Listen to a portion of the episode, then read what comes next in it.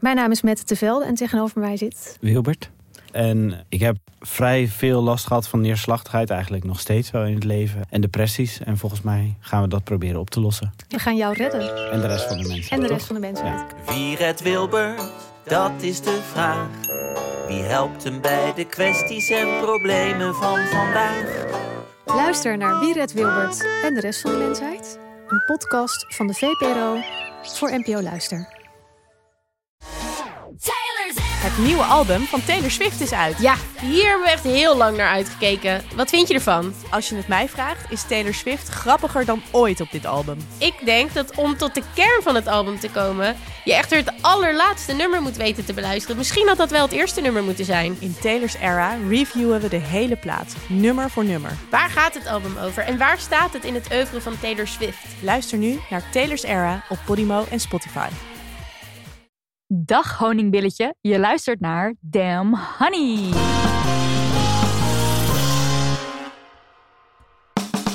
De podcast over shit waar je als vrouw van deze tijd mee moet dealen. Mijn naam is Nidia En ik ben Marilotte. en dit is aflevering 71. En vandaag bij ons in de studio online alleskunner en digitaal visionair Monique van Loon. En ze is oprichter van twee mega-websites. Of tenminste, eh, het heette eerst niet girlscene.nl. Het is uitgegroeid tot girlscene.nl en jullie.nl. En inmiddels is ze freelance schrijver op het gebied van culinaire zaken. En heeft ze een vaste column in Het Parool. Vorig jaar kwam haar boek Je bent jong en je krijgt wat uit over haar ervaring met baarmoederhalskanker. En over dat laatste gaan we zo meteen eh, met haar praten. Welkom. Dankjewel. Hallo. Wat een goede introductie. Digitaal visionair. Ja, een visionair die je uh, kon houden. Voor in je LinkedIn. Oh, dat is een goede. Ja. Marilot, Ja. voor we verder gaan. Ja. Ging je nog de feminist in? En zo ja, hoe dan? Ja, ik ging de feminist in. Ehm, ik ging met mijn vriendin Kato winkelen.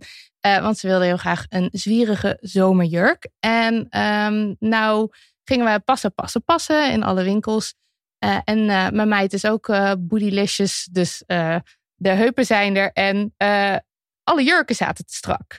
En dat was best wel kut eigenlijk. Want dan pas je gewoon je maat, die in principe jouw maat zou moeten zijn, en dan pas je jurk niet. Niks zat leuk en ik zag er al helemaal treurig zijn. En ja hoor, toen we terugliepen naar huis, toen zei ze dus van... ja, ik heb eh, zin om eh, te sporten en lekker fit te zijn. En eh, nou ja, mogen ook best een paar kilootjes af. Gewoon een beetje, beetje fit. En ik denk dat ze het zelf wel erg vond klinken als... nou ja, dit alles heeft niks met het jurken debakel te maken van net. Ik heb gewoon zin om goed voor mezelf te zorgen. Maar ik weet zeker dat ze niet over de kilo's was begonnen. En niet over strakker worden en fit worden was begonnen. Als die fucking jurken gewoon hadden gepast. En nou ja, nou is Cato zeg maar vrij normaal.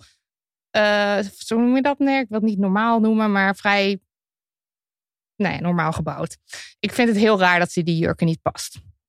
En eh, ik streng toespreken natuurlijk. Zo van nee, nee, je bent prachtig en sporten prima. Maar de fashion-industrie is kut. En eh, die laat jou voelen alsof er iets mis met jou is. En dat is niet oké. Maar toen realiseerde ik me dus, ik doe eigenlijk dus precies hetzelfde. Want ik stap mee die winkels in. ehm, en ik kijk al niet eens meer naar of ik kleren pas. Want ik ga er gewoon al vanuit eigenlijk dat ik ze niet pas. En dan kan ik wel zo ehm, langs de kleren zo een beetje Skippen, swipen, ja. zeg maar. Maar dan denk ik al, ja, het zal wel. Ik pas dat niet, want ze gaan maar tot 11 XL en mijn kont is gewoon groter. En eh, ik heb dat al helemaal genormaliseerd in mijn hoofd. Dat ik nu eenmaal de meeste dingen niet pas.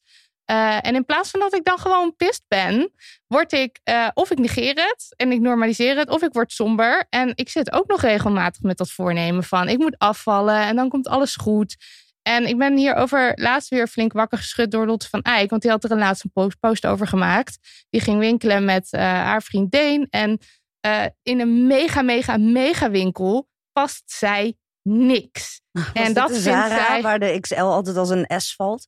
nee, dit was volgens mij een sportwinkel, maar echt Oh, oh ik heb 5000 dit meegekregen. vierkante meter. Ja, ik heb eh, het gezien, die post. Ja. en, eh, en, en dat is ook zo, zeg maar, dat je dan dus krijgt van als je groter valt, al dan XL. Het voor mensen zoals Cato is het dus blijkbaar al moeilijk om jurken te vinden. En als je groter bent dan een XL, dan ga je sowieso niks vinden in een fucking winkel. En we normaliseren dat dan dus gewoon. Je denkt al, ach, ik pas hier toch niks. Ik kom hier, wel- ik zoek mijn meid wel, help mijn meid wel even die jurk uitzoeken. Ehm, en toen had Deen ook gereageerd bij Lotte van... eh, sorry, maar dit is echt niet oké. Ga je me nou vertellen dat je helemaal niks past in deze winkel? Dat is fucking niet oké. Dus toen dacht ik inderdaad, ja, we moeten hier... Of we, ik moet hier ook gewoon weer boos over worden. In plaats van dat ik dan zo zit van ik pas niks en ik moet afvallen. En ik ben niet goed genoeg. Want Mhm. Ik viel gewoon toch weer voor dat idee van je bent niet goed genoeg. Ja, ik was echt aan het nadenken over wat nou mijn minst feminist was. Ik denk dat ik zit hier te zweten, joh.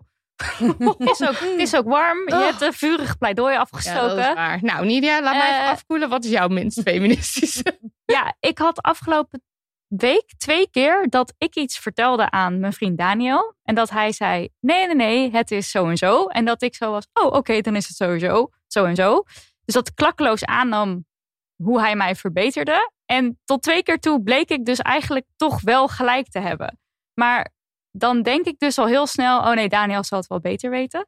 En bij het ene ding ging het over voetbal. En bij het andere ding ging het over Loki, die nieuwe Marvel-serie. Dus dan zeg maar wat ik in mijn hoofd dan zie als mannenonderwerpen. Mm. En dat ik dan meteen denk, oh, hij zal dat dan wel beter weten.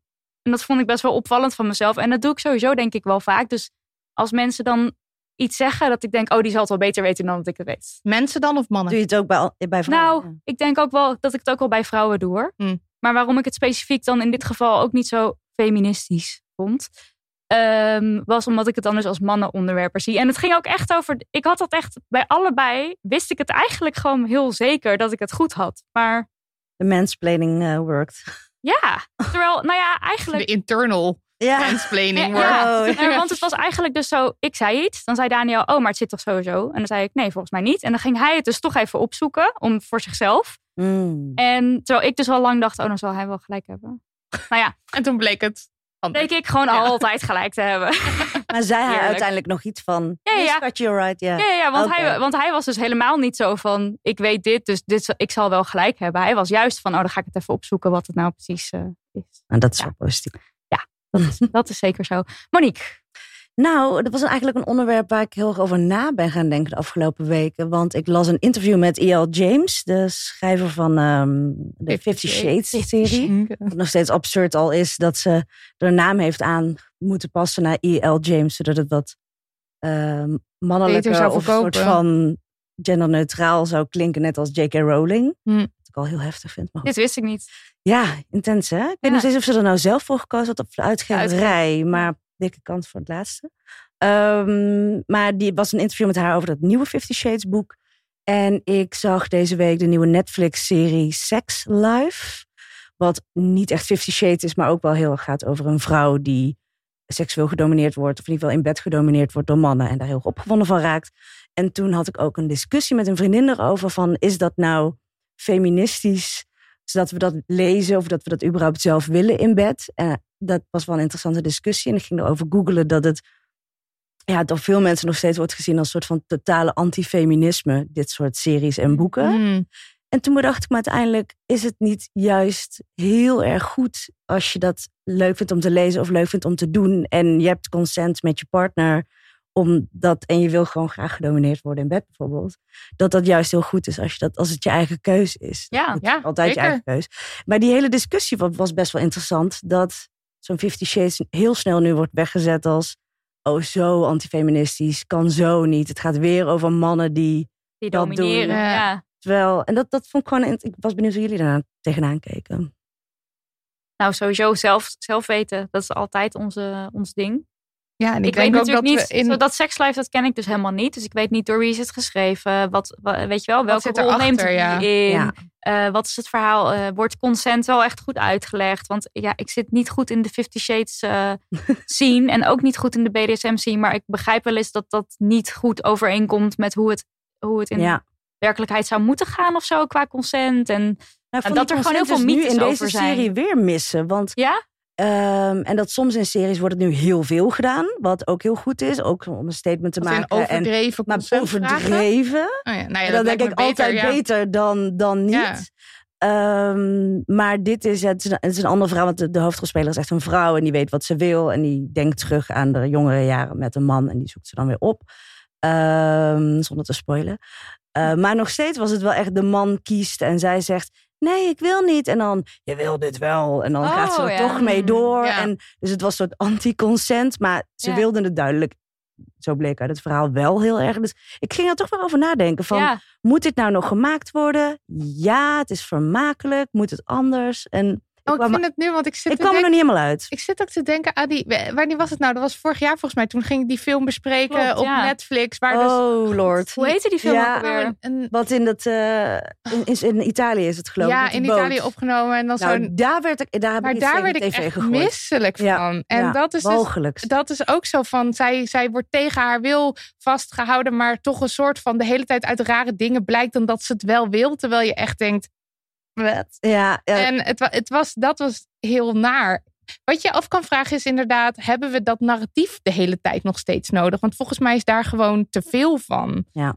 Ehm, ja. En het zou voor het verhaal ook niet kloppend zijn als de woeste man waarvan zij wil dat hij haar overmeestert, bij elke handeling vraagt: Ben je hier oké dit mee? Ja. Terwijl Ja. dat zo zou het moeten zijn, maar Ja. zo gaat het in de praktijk natuurlijk niet. En maar het zou voor het verhaal inderdaad, voor het verhaal is, zij wil dan gedomineerd worden in bed en wil niet dat hij zegt: Is het oké, schatje? ja, Maar het geeft meteen ook weer een heel verkeerd signaal. Dus Ja. ik zat er heel dubbel Ja. in. interessant. Ja. Maar ja, wat, we ook bijvoorbeeld in, eh in Damn Horny, in ons seksuele bundel, eh, wel, daar hebben we best wel veel eh, verhalen over gedomineerd worden. Daar zitten veel fantasieën in van mensen die gedomineerd willen worden. Dus, dus, en ik zou ook zeker zeggen, als dat je fantasie is, fantaseer erop los. En Ja. als je het met je partner wil uitvoeren en iedereen Mhm. geeft consent, doe het. Eh, dus ik zou sowieso niet de fantasie willen veroordelen. Nee. Nee, nee, nee. Dat, En het lezen erover ook niet. Want Nee. een soort van Fifty Shades, lees je dat? Eerst was het een soort van oeh, rode oortjes en nu is het not done. ja. Maar even een persoonlijke eh, ontboezeming van mij. Dat nu ik een vriendin heb, vind ik die verhouding dus veel makkelijker in bed. Hmm. Ja, ik kan me er alles bij voorstellen. Ja, Ja. dat Omdat is, het eh, allemaal open ligt? eh, omdat het dan nooit voelt als, hoe zeg ik dit goed? Eh, als dit is een man-vrouw verhouding zoals Ja. die ooit is bedacht door het patriarchaat. Zo weet ik veel. Dit, Een soort onderdanen Ja. of dat, of dan moet het in de rest van je leven ook. Ehm, en ja, Het voelt denk ik als je als in, als je in een hetero eh, relatie of als je heteroseks hebt, voelt het gewoon alsof jij als vrouw een bepaalde rol hebt en Ja. man heeft een bepaalde rol. En als jij als het zou wisselen, zou dat raar voelen. Terwijl Ja. dat met twee vrouwen is dat niet zo. en heb je die rol aangenomen omdat je, omdat je dat gewend Omdat je- bent. ja, Ja. precies. Zelfs in ja. 2021. Of omdat je dat zelf gewoon echt heel geil vindt. Ja. En dat, dat vind ik dus wel veel makkelijker met... eh, ja, en dan kan je Ja. ook nog eens switchen, is ook minder raar. ja, Ja, precies. Dus, Dus, eh, dat, eh, nee, dat kan ik iedereen aanraden. super bevrijdend. Taking notes. Oké, tijd voor post. Post, post, post. Post, post. Eerst een leuk bericht van Lisa. Eh, die heeft naar de directie van haar school een mail gestuurd. Kleine trigger warning, het gaat over seksueel geweld. Beste. Onlangs toonde een onderzoek van Amnesty International aan dat 11% van de Nederlandse vrouwelijke studenten tijdens hun studie het slachtoffer wordt van verkrachting. Dat is echt ontzettend veel, schrijft zij naar de directie. Ik denk dat de scholen een grote rol kunnen spelen in het voorkomen hiervan, of in ieder geval in het informeren van de studenten over de hulp die bestaat wanneer dit gebeurt. Dat vindt Iva Bikanic, hoofdcentrum seksueel geweld, ook. Ze heeft er bij universiteiten op aangedrongen om studenten aan het begin van het jaar het nummer van Centrum Seksueel Geweld te laten zien en de studenten te vragen het nummer in hun telefoon te zetten. Persoonlijk denk ik dat dit voor het Noorderpoort ook een goede actie zou zijn. Ik kan me niet herinneren dat dit nummer ooit aan mij is getoond. Ik denk dat dit een simpele manier is waarop Noorderpoort een groter, grote impact kan maken. Ik weet zeker dat er meer nodig is om het percentage te verlagen, maar als dit één persoon helpt de juiste hulp te vinden, is het de moeite waard. Mijn bronnen staan hieronder. Vriendelijke groet, Lisa. nou, Nice. helemaal Wauw. incompleet bronnen en, en tweets en dingetjes en zo doorgestuurd. En toen heeft ze antwoord gekregen. Dag Lisa, jij hebt vorige week onderstaande mail naar een aantal directeuren gestuurd binnen Noorderpoort. We hebben als college van bestuur in overleg met de directeuren besloten dat er op de studentenportal op wetten, weten en regelen bij de rubriek Veilige School een link komt naar de website van Centrum Seksueel Geweld. Zo kan iedereen zien waar en hoe er een melding gedaan kan worden. Eh, dus, kortom, zij heeft verandering eh, bewerkstelligd. Ja. Want eerst stond dat nummer nergens. En nu Heel staat dat nice. nummer ergens op de site. Dus eh, go Lisa. Ja. Ze zegt er zelf nog iets over van... Eh, ik wil nog iets terugsturen over dat het beter is als het ook naar studenten gemaild wordt, OID, maar weet nog niet zo goed wat. Dus het is nog niet Daar is tevreden. er nog over aan Ja. het... aan het Ja, dat was het eerste wat ik dacht. Het leek een beetje weggemoffeld nu op de website. Ja, dat is het. Mensen moeten wel heel erg gaan zoeken, Ja. maar het is een begin. Het is Met een begin en eh, eerst stond het nergens. Dus het Ja, en je hebt zo'n directie toch ook gewoon weer heel even zo... Joehoe, dit is een thema. Ja. Ja. En ik vind het gelezen. Want ik vind het dus ook leuk dat ze. Je hebt vorige week onderstaande mail naar een aantal directeuren gestuurd. Dat Heel is goed. gewoon heel erg leuk. Om in te luisteren. Ja. Oké, we hebben ook nog een vraag, een poststuk. En dat komt van Judith en het luidt als volgt. Hoe gaan jullie om met het concept ouder worden? Ik ben nu 26 en heb echt het idee dat het nu gedaan is met gewoon maar dingen doen. Ik heb het gevoel alsof ik nu een stabiele baan en woonplek moet vinden. Anders wordt het nooit wat. Ik ben al jaren bezig met het proberen loslaten van het cijfertje van leeftijd, maar merk dat het me toch moeilijk afgaat. Mijn vriendinnen van de middelbare school en studie zijn allemaal redelijk gesetteld. Beginnen huizen te kopen, hebben lange relaties, etc. Om het wat concreter te maken. Ik kom uit Friesland, maar woon er al een tijdje niet meer. Heb op veel andere plekken in Europa gewoond en heb dat altijd tof gevonden. Ik weet nu alleen wel dat ik dat waarschijnlijk niet mijn hele leven wil blijven doen. Momenteel woon ik al bijna drie jaar in Brussel en ik blijf hier sowieso nog een jaar. Nu werk ik in de zomer in Zweden en ze hebben mij gevraagd of ik daar niet wil komen werken gedurende het jaar. Eigenlijk lijkt me dit echt wel vet om een jaar te doen, maar ik kan alleen maar denken, dan ben ik 28 als ik daar weer vandaan ga. Dat is oud. Ja, dus hoe, eh, hoe gaan we om met het concept ouder worden? En hebben we misschien iets van advies rondom de Zweden-situatie? Waren er dingen die bij jullie opkwamen toen je deze brief las, hoorde? Over het concept ouder worden. Ik haat ouder worden. Ik vind het echt verschrikkelijk. Ik wil het niet. Ik wil dat alles voor altijd hetzelfde blijft. Dat is basically mijn hele Sowieso in levenshouding. alles wil je In dat. alles. Ik wil gewoon, als ik, als ik heel tevreden ben op een plek, in een situatie, op een tijdstip, zeg maar, wil ik eigenlijk gewoon dat het nooit meer overgaat.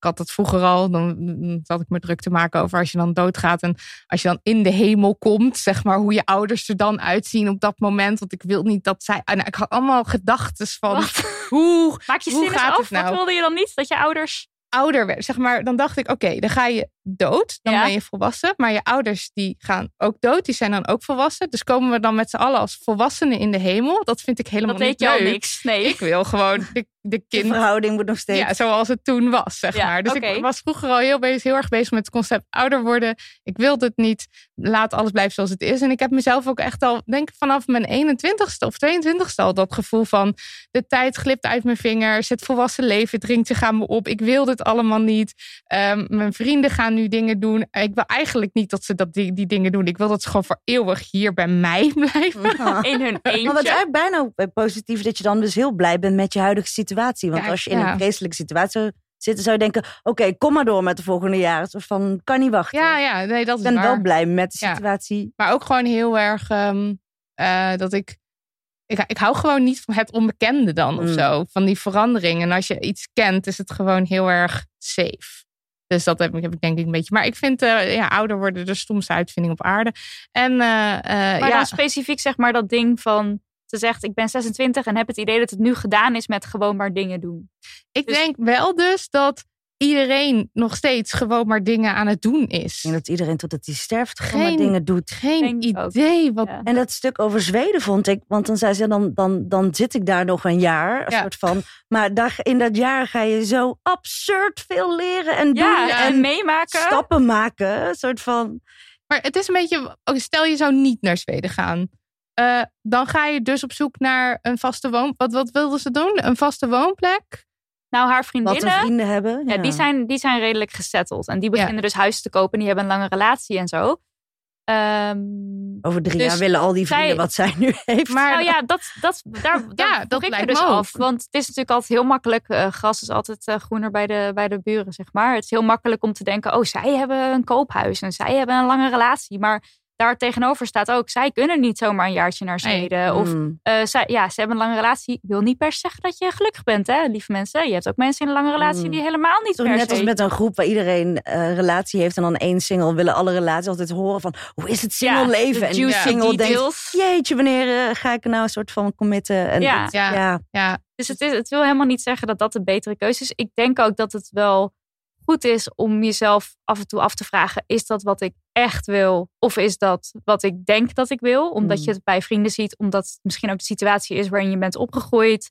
omdat het het ze leefde nog lang en gelukkig verhaal is, wat ons altijd verteld wordt. Mhm. Dus als je het hebt over oudere mensen, dan gaat het eigenlijk altijd over mensen in een gezinssituatie met kinderen bijvoorbeeld. Maar wil je echt die kinderen? Of denk je van, dat is nou eenmaal hoe het gaat en dus wil ik dat? En we hadden het er laatst over in die bonusaflevering. Over of wij kinderen zouden willen. Mhm. En, toen, en dat, dat we ons dus soms ook heel erg verplaatsen in dat idee van... Oké, maar als je dan dus kinderen hebt, dan moet je dus ook bijvoorbeeld met ze spelen. Da- Daar had jij het voorbeeld van. Ja. Vind je dat daadwerkelijk leuk? Ja, en precies. jouw antwoord, Nidia, was... Ik denk het niet. dus dan is het toch ook een Het beetje was van... bonuscontent alleen voor de petje affers. Het is geheime Sorry. informatie die Oh, je niet sorry. gratis weg moet geven. Nee, nee, nee. sorry. Eh, Eh, maar nee, maar, maar even een Maar voorbeeld ik weet niet, hè, want misschien heeft zij wel heel overduidelijk een kinderwens. Ja, dat of wel kan. heel duidelijk een wens om een, een huis te kopen. Maar ik vind het dus altijd wel interessant om na te denken. Vanuit, bijvoorbeeld vanuit je familie kan je toch ook soms een beetje gedrukt worden in die richting. Van, oh, wanneer gaan jullie Mm, dan een Vreselijk. huis en wanneer gaan jullie dan... Terwijl de vraag is, is niet open van zou, zou je dat leuk willen. vinden? Of Ja. is dat iets wat je ambieert? Ik denk niet dat ze bang is voor ouder worden, of dat men bang is voor ouder worden, in, in dit in geval.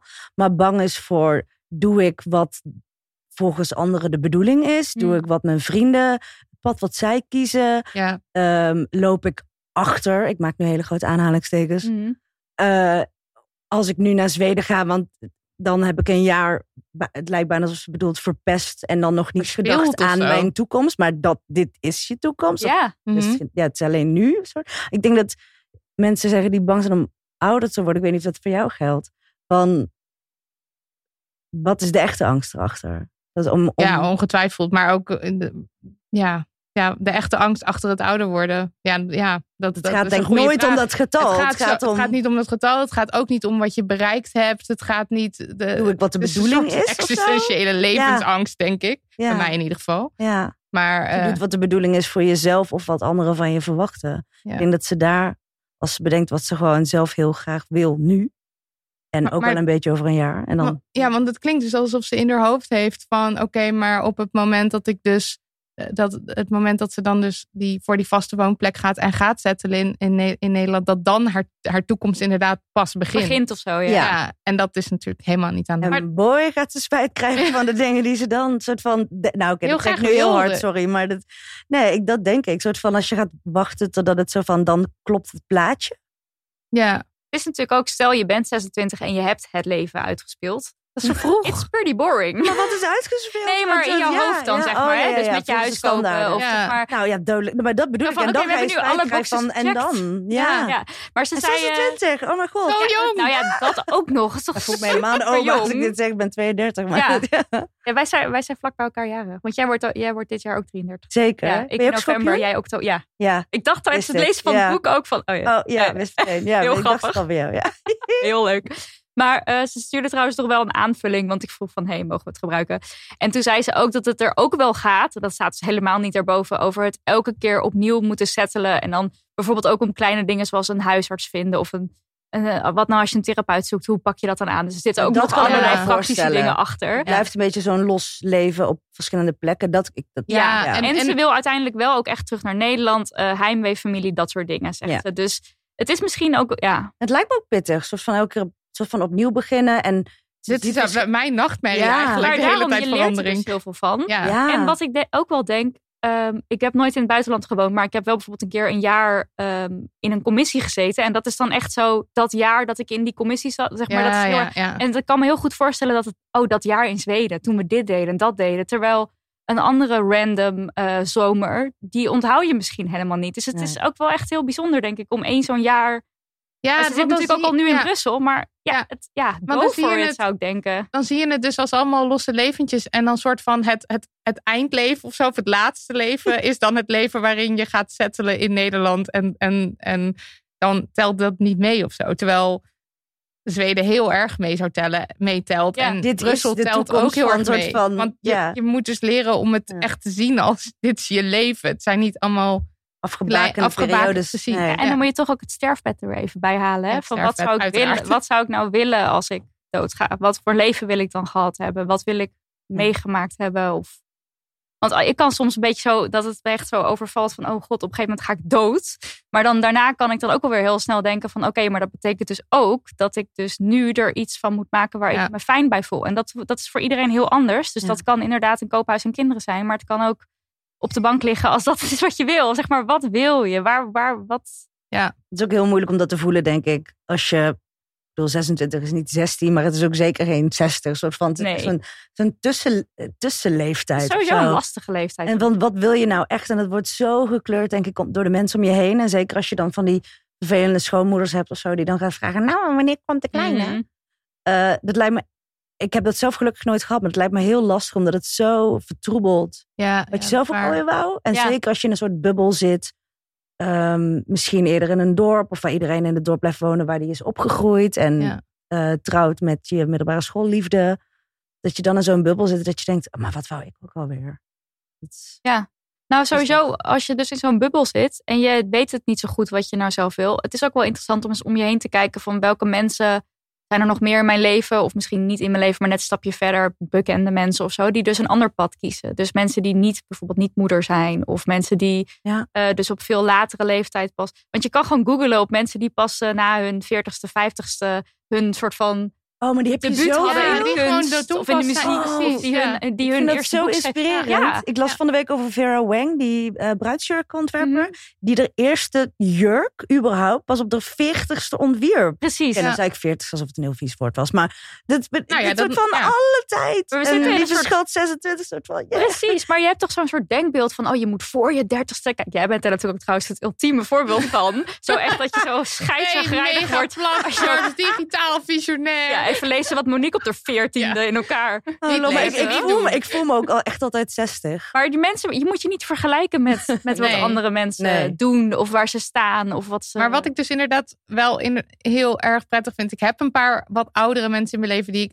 echt maar heel sporadisch spreek. Maar die dus hun leven helemaal anders. Die echt gewoon dikke vette scheid hebben. maakte. Ja. En waarvan, waar ik me altijd toch een beetje aan optrek van... oké, als ik 43 ben of oké, als ik 65 ben... dit kan dus ook. Ja. Je kunt dan je eigen zaak beginnen... of je kunt dan toch eh, je huwelijk van je afschudden... waar je niet gelukkig was... en een relatie Mm. beginnen met iemand eh, tien jaar jonger... en helemaal opnieuw beginnen en verliefd en weet ik wat. En dat kan gewoon allemaal. Het is niet zo dat omdat je 30 of 35 of zeg maar een bepaalde leeftijd hebt waarbij je alles together zou moeten hebben. ja, dat En, dat lukt- en als dat dan niet de lukt. gates dichtvallen zo nee. achter je. Ja, precies. Ik hoop echt dat ik mezelf blijf uitvinden. Ja. En mijn vader is hertrouwd toen hij eh, 61, 60 was of zo. Echt een volledig nieuwe liefde gevonden. En dat is, je hebt inderdaad Ja. dit soort rolmodellen nodig. Dat je denkt, zie je, het kan Ja, altijd kan. Je kan nog astronaut worden. Je kan nog soort van, eh, ja. Ja. het ja, misschien is dat uiteindelijk het... Hm? De wereld ligt aan je voeten. Precies, misschien is dat uiteindelijk de, de, de, de tip. Soort van, zoek mensen waarvan je denkt, Ehm, die zijn badass. Zo zou ik willen zijn. Ja. En ik had ook wel, toen ik zelf nog niet 30 was, dat ik dan van iedereen boven de 30 hoorde. Ja, maar eh, weet je wel, met 33, toen ik 33, dat zijn mijn leukste jaren of zo. Of dan ben je een soort van optimum ehm, eh, in niet meer onzeker zijn, maar wel goed weten wat je wil of zo. Of dat vonden die mensen dan. En dat kon ik me dan niet voorstellen. En nu denk ik zelf nu 33 ben, ah, nee, misschien wel een punt. Dus het is meer. Dat is wel Ja. ook zo. Als je kijkt naar mijn 26-jarige ik en mijn nu Ja. ik, heb ik heel veel stappen gemaakt en durf ik weer andere dingen en, en doe ik maar gewoon ook Ja. dingen. En ik wil niet zeggen dat dat voor, dat wil niet zeggen dat het voor iedereen geldt. Nee. Maar het is meer. Het, eh, ik denk wel, voor mij bijvoorbeeld voelde het op mijn 26, 27, 28. Ik vond dat wel echt mijn topjaren. Ehm, maar dan, dan, Maar door wat er gebeurde, niet door. ja, omdat ik Ja. ook gewoon helemaal mijn tweede in, puberteit alles. club en ja, ja, ja. dat soort dingen. Maar het is ook. ehm, ik kon me toen niet voorstellen dat het leven zeg maar beter zou worden nog boven mijn dertigste. Omdat ik daar zo'n doembeeld bij had ook. En nu ben ik 33 en er is niks aan de hand. Dat Nee. is wel. Nee, maar dan dat ik ook ouder zelf- word. En misschien heb je nu het schrikbeeld van 50 ook weer. Terwijl als je dan Ja. 50 bent, dan denk je, nou, het was ook wel leuk toen ik inderdaad nog eh, alle ledematen Ja. in de club vooral kon bewegen. Maar nu zijn er ook wel weer een soort van... Andere dingen weer. Maar Ja, dat, en daarom is het dat dus zo ik. fijn om ook die gesprekken met die wat meer oudere mensen dan jij te hebben. Ja. Die dan echt ook scheid hebben. Wij zijn die oudere mensen voor haar. Ja, dus ben graag het oudere mensen. Oma's aan de top. Oma's aan de top.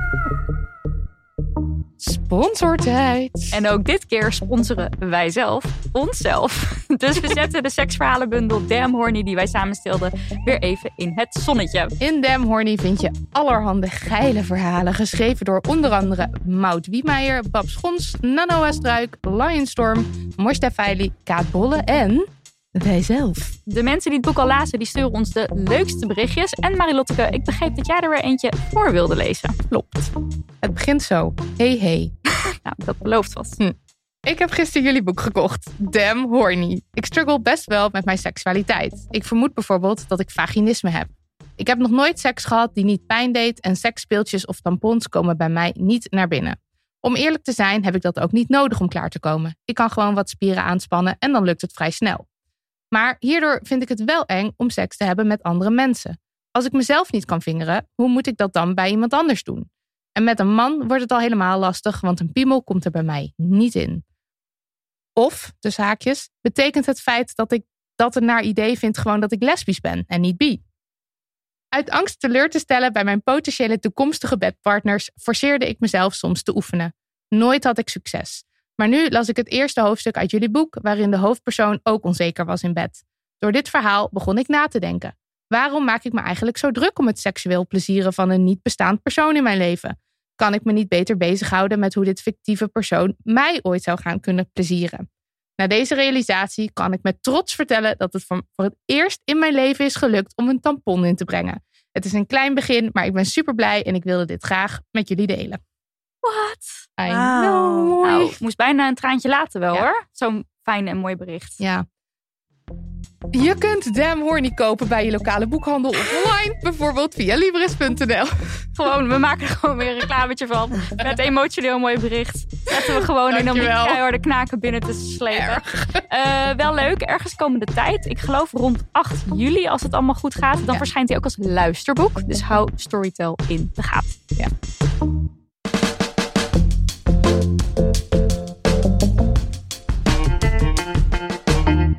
We moeten het even hebben over baarmoederhalskanker. Mensen van boven de 30 met een baarmoeder zijn er vast bekend mee het bevolkingsonderzoek baarmoederhalskanker. Je ontvangt dan elke vijf jaar een oproep om een uitstrijkje te laten maken. Helaas geeft lang niet iedereen gehoor aan die oproep, maar zes op de tien mensen die zo'n brief krijgt, laten het onderzoek daadwerkelijk doen of doen een zelftest thuis. Vandaag praten we met Monique, die zelf baarmoederhalskanker had, over deze ziekte en over de impact die het had op je leven, op je relatie, op je vrienden, op je alles eigenlijk. Ja. Eh, want je schreef er een boek over. Je bent jong en je krijgt wat. Eh, laten we beginnen even bij dat boek. Waarom dacht je van mijn verhaal moet een boek worden? Nou, dat is eigenlijk heel gek om te vertellen. Dat was eigenlijk helemaal niet mijn idee om een boek te schrijven. Ehm, ik schreef een artikel destijds voor de Glamour over dat ik ziek was geweest. Waar ik ook voor was gevraagd toen. En ik dacht, nou, hier hou ik het bij. En ik heb mijn verhaal verteld. En ik hoop dat ik er een hoop vrouwen mee ga bereiken. En dat het onderwerp wat meer in, eh, in de picture komt. En toen eh, belde er een uitgeverij. En die En zei, eh, wij denken, ja, wij denken dat hier meer in zit dan, dan zes pagina's in de Glamour. En zou je dit willen doen? En ik heb eerst heel hard nee geschreeuwd. En, want ik, ook omdat ik dat artikel had geschreven, dacht ik, ja, Wat ga ik nog meer meer ga je schrijven? hier 288 pagina's van maken. Mm. Maar je had ook echt het gevoel, het is verteld nu. Ja. Ja. Ja, en toen ehm, werd een vriendin van mij, had, kreeg dezelfde klachten als die ik destijds had. Dus ik had heel veel onregelmatige bloedingen, wat steeds erger en erger en erger was. Vaginale bloedingen. Ehm, waardoor ik uiteindelijk bij de, bij de huisarts ben aangeklopt. En ehm, een vriendin van mij, die kreeg dezelfde klachten. En die twijfelde ook eigenlijk al de hele tijd van wat moet ik doen, wat moet ik doen. Terwijl ik had toen alles al achter de rug.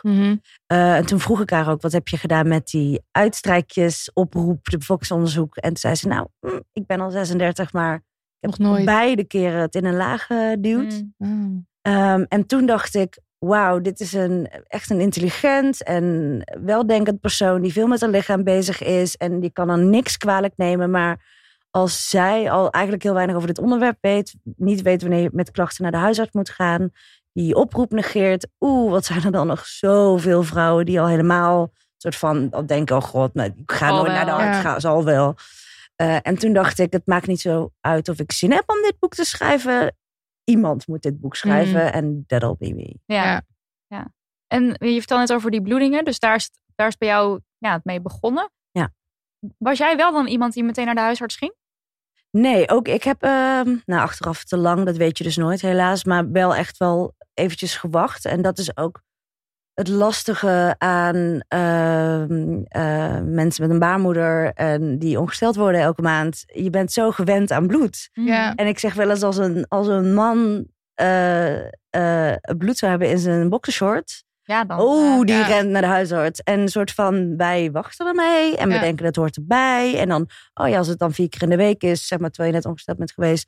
hm, Nou, dan zal ik wel eens wat, wat doen. En het erge is, huisartsen staan er soms ook zo in. mhm. Eh, bij mij werd ook heel snel gezegd van, ah, nou, je bent gewoon onregelmatig, eh, ongesteld. Ehm, stop anders met de pil. Want ik zat nog aan de pil.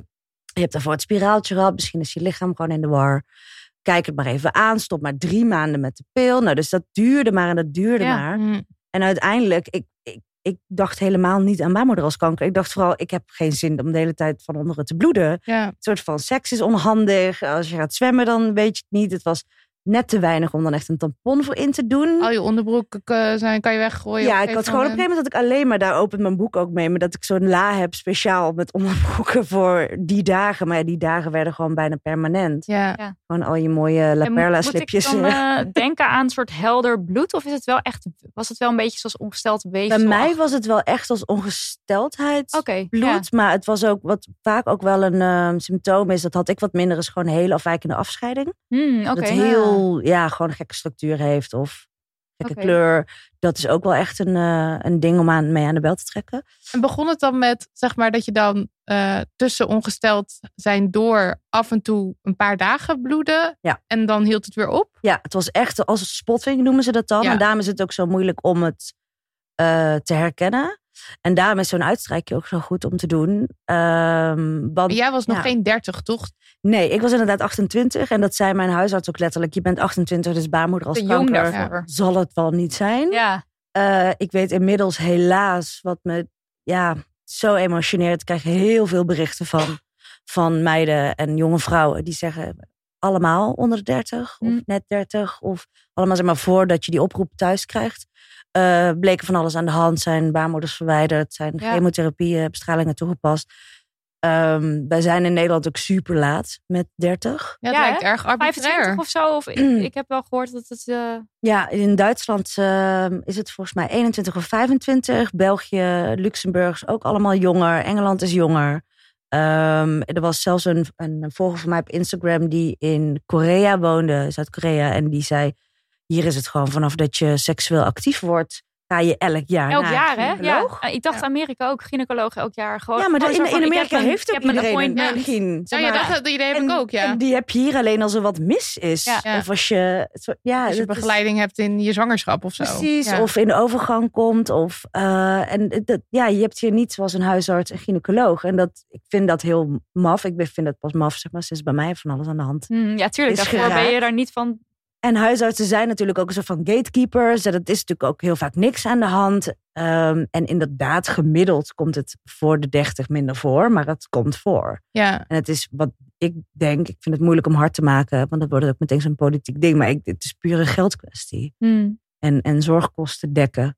Ja. Terwijl uiteindelijk zijn de zorgkosten een heel stuk hoger als je. Als je het Als je- traject eenmaal ziek in moet. wordt, ja. Maar Ja. eh, je gaat naar de huisarts. Die huisarts die zegt, eh, stop met de pil. Eh, Wanneer komt dan het moment dat, dat er wel actie wordt ondernomen?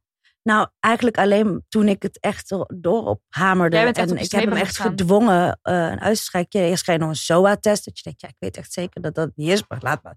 Test maar maar, dan. is prima, Ja, ja, ja. hoor. Nou, die was allemaal prima. Uitstrijkje. En toen, eh, ja, bleek het niet eh, goed te zijn. En toen gynaecoloog, biopt. En toen bleek het helemaal niet goed te zijn. Maar wat ik in jouw boek las, was dat het jouw uitstrijkje niks liet zien in eerste instantie. Klopt. Dit vind ik altijd heel moeilijk om te vertellen, omdat ik ben in alles eerlijk. Het hele boek, er staat niks gelogen in. Soms denken mensen dat ik dingen heb aangedikt of zo. Absoluut niet waar. Maar het lastige is, ik was inderdaad één op de miljoen, of wat het Hmm. dan ook is, waarbij het uitstrijkje eh, niks liet zien. Dus gewoon er goed uitzag. Maar die kans is dus heel Super Klein. Maar het lastige is, ik vind het, als ik dat vertel, dan Ja, denken dan het veel alsof- vrouwen, laat het uitstrijken. Maar het klopt toch niet, want bij Monique klopt het ook niet. Ja, Dat is dus Ja. niet zo. Dit vind ik het altijd een wel dat jij heel veel pijn had tijdens je uit. Toch buiten proportioneel Klopt. Ja. veel Ja, pijn. Dat is uiteindelijk ook waarbij de huisarts zei: Oké, dan verwijs ik je wel door. Ja. Want het deed zo, ik zat echt tegen het plafond. Ja. En dat kan ik gelukkig ook aan al deze luisteraars mededelen. Dat is niet de bedoeling. Nee. Als het pijn doet, dan is er waarschijnlijk echt iets aan de hand. Of het vaginisme waar we het net over hadden, dat kan natuurlijk ook. Mhm. Maar een uitstrijkje doet geen pijn. Het is Mhm. misschien eventjes ongemakkelijk. Drie seconden, misschien tien. Maar het doet nooit pijn. Het moet geen pijn Het zou geen pijn nee. moeten doen. Nee, Nee. klopt. Eh, ja, dat biop, dat was echt een. eh, daar moest je wel echt een roesje en zo voor, toch? Dat is niet heel even. Nee, dat biops hebben ze. Dat, ik was zo van, van toevalligheden hang ik aan elkaar. In ieder geval toen. Dat eh, ik ben naar de gynaecoloog doorverwezen. En toen gingen ze een soort nog een inwendig onderzoekje doen.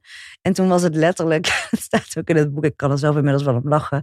Dat ze met een soort van stokje in mij aan het poeren waren. En dat de, de assistent zei: Hé, er zit toevallig net weefsel aan. Oh, dan hebben we meteen een biopt. En Oh. daar is uitgebleken. eh, toen noemden ze het nog on- onrustige cellen. Ja. En toen heb ik eerst een soort kleinere operatie gehad. Oh, dat bedoelde ik. Maar Ja. dat heet dus Ja. niet een biop. Dat heet dan een Dit was een, kleine operatie. een conisatie. Er zijn zeg maar meerdere dingen die ze je kunnen aanraden. Maar wa- want een biopt zou in een ander geval, zeg maar, als het niet toevallig aan het stokje blijft hangen, zou het dus Moeten ze gepland afnemen. worden en dat of Soms kunnen ze het onder lokale verovering doen. Ehm, dat gebeurt meestal. ja. Heel soms, ja, het, het, want je haalt echt weefsel weg. Dus dat Mm, moet ja. je, normaal snijden geen idee hoe er bij mij is bleef hangen. Maar nou, Nee, ja, dat allemaal niet allemaal helemaal vragen. goed. Ja, bij mij was ook Alles, alles ging anders. Ja. en het was ook dat iemand vroeg een keertje van hoe was dat de acceptatie dat ze zeggen je hebt kanker. Maar dat was bij mij in zoveel stapjes. Ik bedoel, Mm. uiteindelijk heb ik, ben ik gebeld. Het is niet goed. Ja. Kom langs en dan, dan krijg je een soort van de big one. Maar dat was bij mij allemaal in delen. Want daarna volgde er een colposcopie. Dan gaat ze met een soort van ehm, eh, eh, microscoop, noem je het, in je, in je foef. eh, om te onderzoeken. En nou, daar bleek dan weer uit onrustige cellen. Nou, dat, de papiopt zei dat ook. Maar onrustige cellen kan nog van alles zijn. Want het kan ook een soort echt een voor-voorstadium Ja, zijn. En Zo dat- werd het toen ja. ook gebracht. En dan heb je verschillende opties. Eentje daarvan is zo'n lease-excisie. Toevallig eh, heeft iemand die heel dicht bij mij staat, die ook net gehad. Van iedereen om me heen eh, maakt het soms hetzelfde door. Hmm. Ehm, eh, maar dat is een redelijk kleine ingreep die of onder een roesje of eh, onder verdoving eh, plaats kan vinden. Dat haalt heel vaak gewoon die onrustige cellen weg. Dus daarom is zo'n uitstrijkje ook zo goed. Want er is nog zoveel aan te doen voordat überhaupt het woord kanker hoeft te vallen. Ja. Ehm, en dan zijn er nog wat kleine dingetjes die je kan doen, of die men kan doen. En uiteindelijk is het soort van de heftigste optie, maar ook die valt nog wel redelijk mee, eh, is een conisatie. En die heb ik toen geha- gehad. Dan, dat is echt onder narcose. Halen ze echt een, een deel van je baarmoederhals weg. Ehm, en dat zou dan afdoende moeten zijn. Maar dat deel wat ze dan weghalen, daar moet je ook wel even van herstellen. Echt van een paar weken ben je dan een beetje uit de running. Bij Ja, dan ben je ook het, heel veel aan het bloeden. Toch? ja, en bij mij was dat dus, eh, duurde dat herstel ook veel langer. Wat later logisch bleek, want er zat dus nog gewoon een tumor. Mhm. Waar ze dan net ook aan hebben gezeten. Dus dat vindt je lichaam ook niet zo leuk. Ehm, maar dat, ja, dat weefsel wat ze toen hebben weggehaald bij die eh conisatie, dat wordt dan ook weer onderzocht. Ehm, en daar bleek gewoon, ja, dat was geen voorstadium meer. Dat was Dus in Nee, want het, principe. het idee is dat, dat eh, bij die iconisatie, conisatie. ja, ja. iconisatie dat ze dat weefsel onderzoeken en dat dan de snijranden, als die schoon zijn, ja. dat ze dan denken, oké, we hebben hier de hele tumor, die hebben we er hier zo uitgehaald en nu hoeft er niks meer te gebeuren. En bij jou was dat niet schoon. Ja, Dus het de, was de magische, de magische term in kankerland is, zijn- zijn de snijranden schoon. Ja. Hm, ja. Eh, want inderdaad, dan, eh, ja, dan weet je dat je gewoon voldoende hebt weggehaald. Dan was dat tumortje, als het dan dat, dat al was, dat, is, dat vind ik zelf ook het moeilijk, ik ben natuurlijk geen arts. Dan is dat helemaal weggehaald en dan alles wat er nog zit is schoon. En Ja. dan ben je good to go en dan krijg je elk jaar nog een check. Hou je zijn vinger aan de pols en dan, dan is het goed. Ehm, en bij mij was het dus inderdaad niet het geval. Jij Hm. kreeg het telefoontje. Toen kwam het telefoontje, het is niet goed. Mhm. Dat was trouwens de werktitel voor het boek. Hm, ja. Ehm, maar dat was wel heel dooms. Doomsday. Eh, ja, en dat was, eh, ja, dat was vreselijk. Ja. Ja. Ja. En het is natuurlijk ook nog, of nee, natuurlijk ook nog, ik weet niet hoe je erin staat, omdat het over je baarmoeder gaat, heeft dat specifiek nog ja, gevoelens of, of omdat het over iets gaat. eh, het staat natuurlijk in verband met een kinderwens. Het Ja. staat misschien voor jou in verband met vrouwelijkheid. Dat is natuurlijk voor iedereen anders. Maar Ja. Nou, ik had het dus zelf, zowel dat, dat ik daar mijn vrouwelijkheid aan ophing als mijn kinderwens, had ik allebei niet. oké. Hm. Heb ik allebei niet. Ehm, maar de mensen om mij heen wel. Hmm. En dan komen we waar we het eigenlijk net voor over hadden. Ja, van wat de mensen om je heen soort van verwachten. gaan leggen. Ja, ik had best wel, best wel een aantal mensen om mij heen die dan zeiden, maar oh, je- Ja, die, ja. die wisten van mij van ik had gewoon geen actieve kinderwens. Je bent 28, het kan nog wel veranderen. Misschien bij een volgende partner wel of als je ouder wordt. Maar ik had toen heel sterk nooit gehad. Nee. Zie het niet gebeuren, maar ja, zeg nooit nooit. Maar de mensen om mij heen, of in ieder geval een aantal daarvan, die soort van. Misschien omdat er zoiets heftigs en zoiets ingrijpends gebeurt. Want inderdaad, de diagnose kwam: die hele baarmoeder moet verwijderd. Je zal nooit zelf kinderen baren. Ehm, door de mensen om mij heen ook, omdat het, ja, het, is, het is ook zoiets heftigs. Het is een orgaan, wordt eruit gehaald. Voortplantingsorgaan. Alle vrouwen van, ja. eh, dat mensen dus om mij heen heel erg zijn van, maar. ik had zelfs een vriendin die zei: Kun je niet nu heel snel zwanger worden? Oh, wauw. Oh, Ja, dat soort dingen. Dat is er, ja, en ik snap het ook. En het is vanuit een goed hart. En mensen denken natuurlijk over het algemeen een soort instinctief: dit zou ik doen. Of ik zou nu. Mm. Of, eh, of mensen zeiden eitjes invriezen. Dat soort dingen. Uiteindelijk mijn ei, eierstok en eileiders zijn blijven zitten. Wat best wel maf is. Dus ik maak elke maand heel braaf eitjes aan. Maar ze gaan nergens heen. Mhm. Ehm, maar inderdaad, de mensen om mij heen, eh, die hadden dat wel. Of inderdaad vrouwelijkheid. Of eh, ja, dadelijk.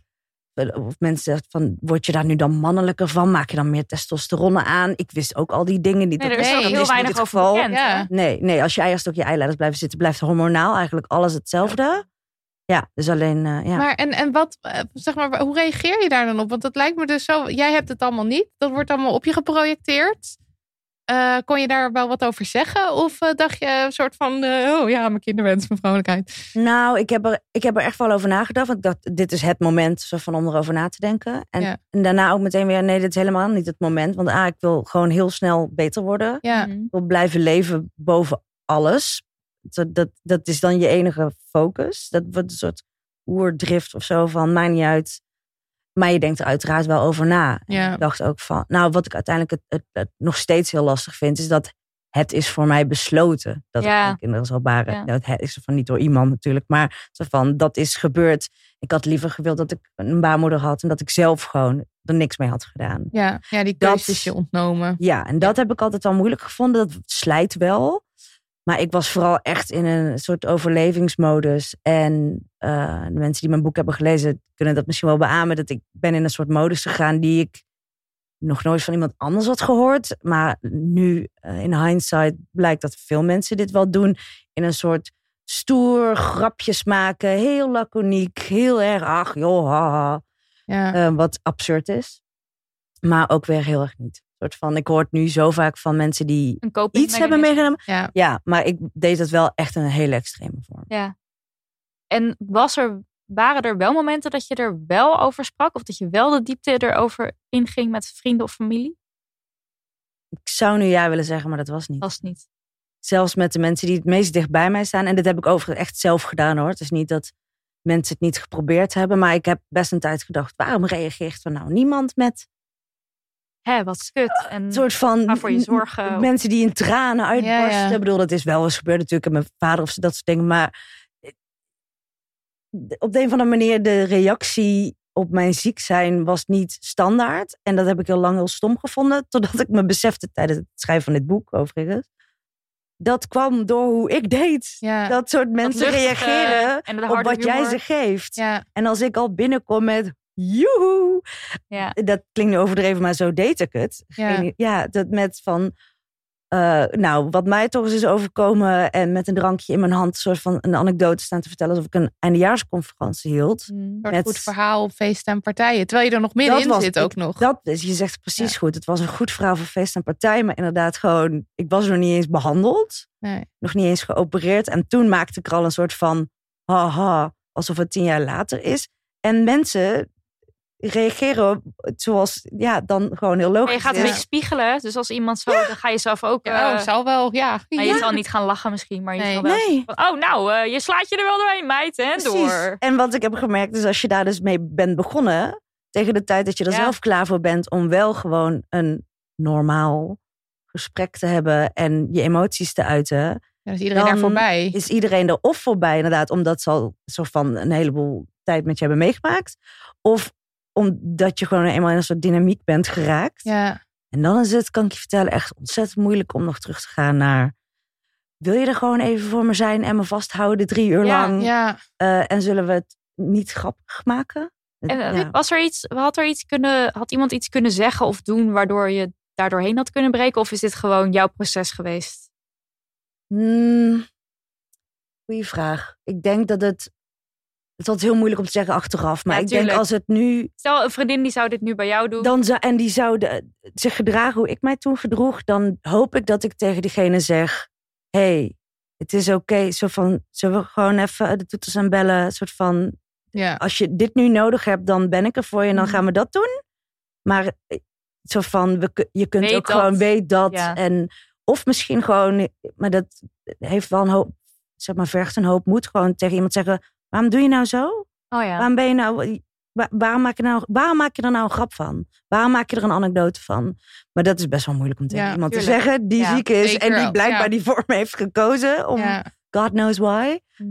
Maar dat zou misschien wel helpen. Maar dat, ik weet niet of het bij mij was aangekomen hoor. Misschien had ik dan gedacht, eh, doei. Ja, en dan die persoon weggeduwd of zo. Weet ik niet. Want ik zat ook, als ik je boek zo lees, het, je gaat zeg maar van eh, het ene, ene ziekenhuismoment naar het andere ziekenhuismoment. En je zit met allemaal vragen. En zeker als er dan zo'n gesprek is, gaat natuurlijk de helft langs je heen.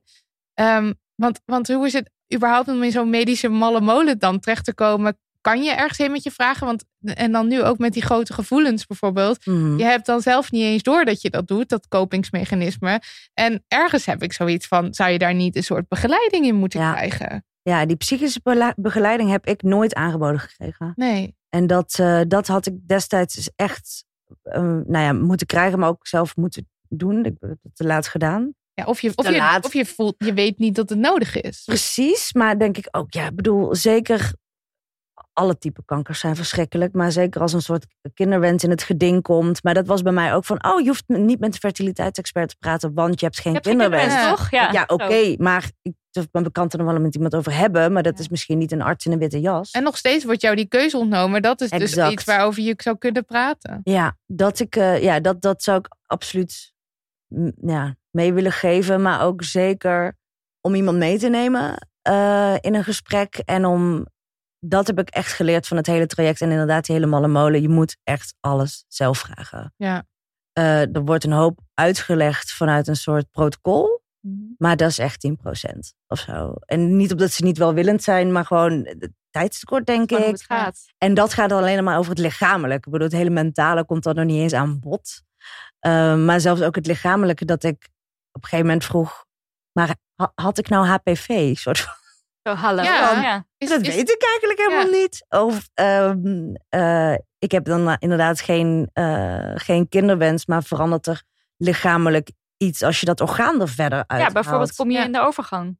Precies, ja. Nou, dat is uiteindelijk gelukkig niet het geval bij Mhm. mij. Want dat is dus alleen als je eierstok en je eileiders worden verwijderd. Of een van de twee, geloof ik. Eh, dus die mazzel had ik dan. Eh, maar dat heb ik volgens mij ook in mijn boek beschreven. En dan heb ik het nog een beetje kuis gehouden. Nou, dat kon eeuwen doorschrijven. Maar ik had ook heel veel vragen waarvan je denkt... oeh, dat durf ik echt nooit te stellen. ja. Ehm, er was bijvoorbeeld, in deze podcast kan ik dat wel zeggen.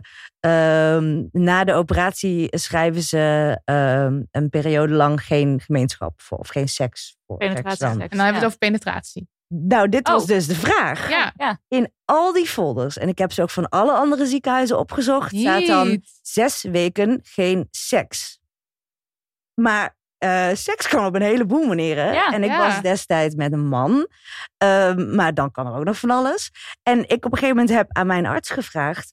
gaat het om iets erin of erop? Ja. En Ja. toen zei ze... die vraag heb ik nog nooit Hou gehad. op. Nee. Oh, dit is echt... En dit was niet de arts waar ik nu uiteindelijk bij zit, maar in een soort tussenfase. Want na die konisatie was het ook zes weken eh, de boel dichtgooien beneden.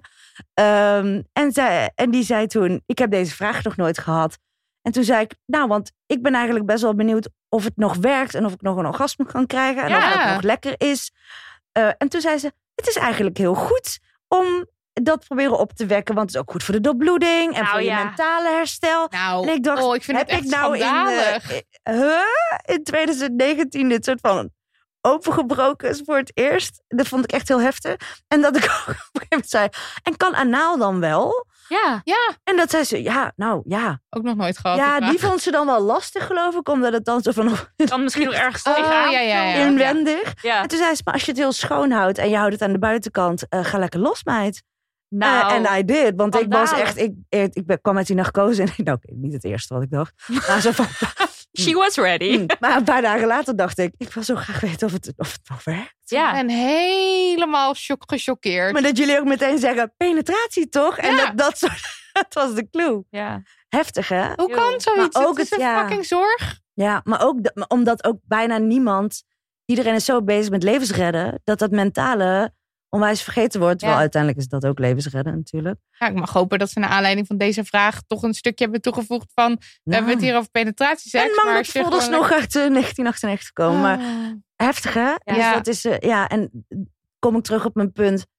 Je moet mondig genoeg zijn of Nou ja, worden. Maar daar schrok ik dus wel van toen Ja. ik jouw boek las. Want Ik ook. als ik ben iemand die daarin heel veel geluk heeft gehad. En eigenlijk nog nooit echt een traject of iets in het ziekenhuis. Dus ik ga ervan uit van nou, als je daar komt al helemaal met iets ernstigs. Nou, dan eh, komen ze je alles vertellen en alles rustig.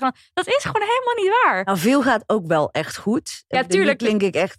Tuurlijk, soort maar van- ik schrok er wel van hoe, hoe, hoe, hoe, ja, hoe je Ja. eraan moet trekken, af- Je moet er echt aan trekken. En Ja. het is Ja. met afspraken. En je moet op, opnieuw steeds je verhaal doen. En ik ben in één ziekenhuis begonnen. En toen naar het tweede. En uiteindelijk het derde Antonie van Leeuwenhoek uh, terechtgekomen. Waar ik echt, ja, voor zover je blij kan zijn met een kankerziekenhuis. Zeer blij mee. Ja. Ook vooral omdat je in het ziekenhuis waar je uiteindelijk uh, zeg maar, de grote behandeling krijgt. Ook al je na uh, check-ups hebt en Oh zo ja, jarenlang. mensen. dan dus, is het fijn als je met je arts een goede band hebt. En ik word nu best wel vaak gevraagd door vrouwen, wie is jouw arts? En Oh ja. ehm, kan ik daar ook bij? Ja. Ehm, Het is ook niet dat ik trouwens met wat ik net zei wil zeggen van artsen zijn kut of zo hoor. Maar Nee, meer gewoon, maar ik snap je. Het zijn Het ook is- gewoon zorg en geen geld en geen een tijd. systeem. En, ja, is- precies. is- En daar ik gewoon van. ja, is ook zo. Terwijl eigenlijk is het ook wel weer ergens, nou ja, logisch. Als je er Ja, iets langer over een nadenkt. protocol en het, is, het gaat gewoon zo snel mogelijk iemands leven redden. En dan sneuvelt er een hoop. Ja. Ja, ja. Maar dat, ja, en dat is uiteindelijk misschien ook wel een goede tip is voor elk, elke aandoening. Die zeg maar, iets heftiger is dan je been breken of zo. Mhm. Is als je gewoon echt geen goed gevoel hebt bij je arts. Vraag een second opinion ja, aan. ja, ja, ja. Je kan switchen. Of het moet zo zeldzaam zijn dat er maar één specialist is. Maar ehm, als ik niet uiteindelijk ben doorverwezen naar de arts in het Antonie waar ik nu zit, was ik gebleven bij de arts waar ik een heel slecht gevoel bij had, die ook in het boek eh, niet zo heel best vanaf komen, maar gelukkig nog Mhm. jammer eh, in beeld zijn gebracht, zou ik zeggen. Ehm, ja, dat ik weet niet of ik had durven aangeven van ik heb geen goed gevoel bij jullie. Ik denk dat ik daarbij was gebleven en dan had ik daar nu nog steeds al mijn check-ups bij gehad. Ja. Ja, dus dan is het echt, want als je er zo. Nou ja, de, de- jouw verhaal is gewoon maar weer een yet another voorbeeld van je bent de enige die verantwoordelijkheid kan nemen voor je leven. Dus. Beter Neem stap je over die drempels heen en zeg je als je iets niet chill vindt en, en vraag je door, ook al voel je je te veel. Want jij bent echt de enige die dat gaat doen. Ja, Ja. En zelfs de mensen om je heen die er heel erg voor je willen zijn, zullen dat nooit zeggen. Die zullen alleen zeggen: Oh, deze persoon lijkt niet adequaat genoeg eh, om je, om je beter te maken. Maar zal, jij weet alleen zelf wat, gevoel, wat voor gevoel je bij iemand krijgt. Ja. En je hoeft niet altijd meteen te switchen. Je kan ook een gesprek aangaan van: Hé, hey, ik vind Ja. dat je heel erg betuttelend praat. Of ik had één arts die de hele tijd alles ging tekenen, die Dr. Picasso. Oké. Ja. Die de hele tijd baarmoedertjes en eiers, en rammelende eiers. Of nee, nee, niet rammelend dan. Waarschijnlijk ook uit een soort ongemak, toch? Of niet? ik denk dat dat dan nooit. Nou, ik krijg ook van veel artsen of mensen in de zorg die mijn boek hebben gelezen reacties. En toen zei iemand: Oh mijn god, dat doe ik ook. Dat heb ik Oh. geleerd op de studie. Ik Ja. echt gewoon. Een soort van, nu ga ik het even inzichtelijk maken voor Eh, het is niet inzichtelijk. Soort Nee. van, je, ik had dus toen die dokter Picasso ging mijn overlevingspercentages in wolkjes op een A4 zetten die voor hem leesbaar waren. En dan draaide die af en toe het vel om. En dat ging over hoe groot de kans is dat ik dood ging. Ja. En het bedoel, als je wil laten zien hoe een baarmoeder eruit ziet. Ik zou zeggen, pak een boek erbij. Is altijd beter dan die krabbel van jou. Maar, Ja. Ja. maar dan snap ik hem nog. Maar overlevingspercentages in wolkjes zetten is, vind ik, nooit oké. Nee. Want het, het, het is zo pijnlijk duidelijk. En zo achterloos van zo'n persoon. Ja. Ik bedoel, bij wijze van blijft de pen halverwege hangen. De 70% of zo. Je moet, nee. Dus ja. Maar je, je hebt ook wel reacties, eh, of je bij een patiëntenvereniging, of nee, ik heb iets gelezen over dat artsen of zo met jouw verhaal aan de slag zijn. Of dat ze gesprekken met jou aan zijn gegaan. Of... Klopt. En ik, eh, dat is toen door corona uiteindelijk niet doorgegaan, maar een heel groot exposure, eh, dat? Symposium. symposium, exposium, symposium, ehm, voor gynaecologen. Oh dus ja, ik dat eh, ik denk dat dat binnenkort nog wel een keer eh, doorgaat eh, om daar te komen spreken. Hmm. Omdat ehm, ja, de artsen komen ook niet zo heel vaak. Dat is heel gek om te zeggen, want artsen komen de hele tijd in aanraking met patiënten. Maar niet, Niet op deze dit. manier. Precies. En ik had dit verhaal natuurlijk ook nooit zo aan een arts verteld. Het staat in een boek en ik geef het dan. Ehm, maar dat, nou, ik, er is zo'n medisch, medisch vakblad. Een heel groot blad, wat schijnbaar zo van het medisch, Medisch vakblad is. contact. Medisch contact is het inderdaad. Ik kwam even Hij niet weet haar naam. dingen. Heel goed. ja. Daar stond een recensie, een soort van stukje over mijn boek in. En dat was de zin, die is me heel erg bijgebleven. En ik was zo verguld met dat stukje. Dat, de, dat die persoon zei... eh, oncologen, zeg maar kankerartsen, zeggen wel eens tegen elkaar... je zou eigenlijk een keer zelf kanker moeten krijgen... om te weten wat je patiënten doormaken. Maar goed, Hm. dat wens je natuurlijk niemand toe. En dan is dit boek... Zo Een goede van, Een van een next een best thing. Ja, maar ja. Ja, en eigenlijk dan nog beter, want Ja. soort van dat. En dat vond ik zo'n zo'n rake zin, dat ik dacht, ja, want het lijkt me ook heel lastig als arts. Ja. En soms neem je er misschien ook gewoon afstand, van, want anders ja, zit je ja. de hele tijd te janken bij elk eh, slecht Mhm. nieuwsgesprek. Ehm, Ja. Maar inderdaad, ja. Het Maar er wordt, moet wel van patiënten gevraagd worden: wat heb je nodig? Of iets in die richting. Want er moet, ja, soms heb je gewoon. Je hebt die begeleiding gewoon nodig, denk ik, als je niet weet waar je. Nou ja, Maar die zin die jij nou uitspreekt, een soort Oprah aha-moment. Ja, wat Waarom heb is je dat niet nodig? Is nooit zin? gevraagd, ja. Daarom is dat niet gewoon de zin. Misschien niet in een gesprek één of twee. nee, maar gewoon later, als Maar het allemaal een beetje ja. heeft kunnen bezinken, dat er dan een gesprek is voor een patiënt, waar de, waar de Ja. enige vraag is: wat heb je nodig? Ja. En dat vandaar. Ja, je zegt hem zo en ik denk, ja, of inderdaad dat je gewoon, eh, ik veel, je hebt het slecht nieuwsgesprek gehad en dan de keer erop van, nou, je hebt nu alle info. Heb je alle info? Stel maar vraag hoe gek, hoe gek Ja, ook. het is een ja. vragenrondje En en, wat je hebt heb een je half nodig? uur en het is helemaal voor jou. Ja, Ja. nou en zeker ook het hele se- seksgedeelte. Ehm, het zou zo fijn zijn als ze al een soort van, even een voorzetje doen van een gekke vraag. Zodat je daarna alles durft te Mm, vragen. ja. Zeg gewoon, nou, er was hier laatst iemand met de vraag... nou, zou anale seks wel mogen als penetratie niet kan? En toen zei ik dit. Heb jij ook een vraag in die trant? Ja. Zo, je meteen the way. van, ja. Ja. Ja. En Zo zeker, van alles, ja. niks is te gek, alles kan je zeggen. Ja, want het is niet een kanker aan je arm waarvan je denkt... oké, ik durf echt wel te vragen of ik mijn pink ook nog mag bewegen. Het is, er is natuurlijk gewoon een soort taboe. En dat zou er ook niet nog moeten dat hele zijn, maar... Precies, en dat, dat ja, ik, en ik ben, ik praat heel makkelijk over seks. En zeker ook door dit boek. Ehm, maar ik merk bij heel veel vrouwen die deze ziekte krijgen, dat, dat, dat ze er alleen maar moeilijker over kunnen praten. Mm. En dan ook inderdaad daarna niet meer willen, of niet meer met een partner erover praten. En dat maakt me gewoon heel verdrietig. Maar Ja. dat, ja. Want jij kreeg een relatie toen je je diagnose al had gekregen. Zeg ik ja, ik had net die eerste operatie gehad. al. Ja. Ja. Ik was, eh, ik was denk ik toen anderhalf jaar single of zo. Wel, ik was een beetje aan het daten. Ehm, en toen was er een collega die, eh, waar ik eigenlijk op kantoor altijd heel erg mee botste. Eh, en maar nooit heel erg privé gesproken had. Die stuurde zo'n ontzettend lief, of dat was in de telefoon, zo ontzettend lief was die. Toen ik vertelde wat met mij aan de hand was. En eh, die zei, eh, ik ga vanaf nu elke dag bij je inchecken. En die ging op vakantie een aantal weken. En ik zat thuis in de, te herstellen, zeg maar die, die zes weken. Ehm, en dat deed hij. En toen eh, bloeide er wat op. En toen uiteindelijk bleek eh, eh, dat, dus de, ja, dat het niet goed zat. En dat ik nog meer behandelingen nodig had. Maar ja, dan ben je verliefd. Ja, Ja. Dat, staat uitgebreid in het ziek. boek. En inmiddels, inmiddels zijn we uit elkaar. Ook alweer ruim anderhalf jaar. Maar ehm, ja, dat, het staat uitgebreid in het boek. Want dat was zo. Die Ja. periode was zo.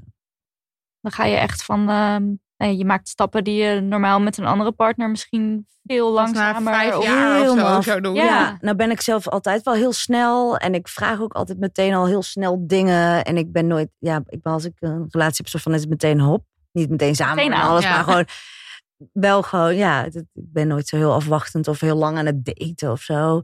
Eh, maar dit was eh, hardcore. Ja, Ja. dit was eh, ook vooral door die hele kinderwens. Want je gaat Oh met ja, iemand ja. daten. Hij was toen, ik denk eh, 32, wat ook voor mannen natuurlijk wel een leeftijd is dat je denkt, nou, goh, gaat, ja, we gaan we heen? Ik bedoel, je hebt iets langere tijd om over na te denken, maar zien ook vrienden om zich heen ja.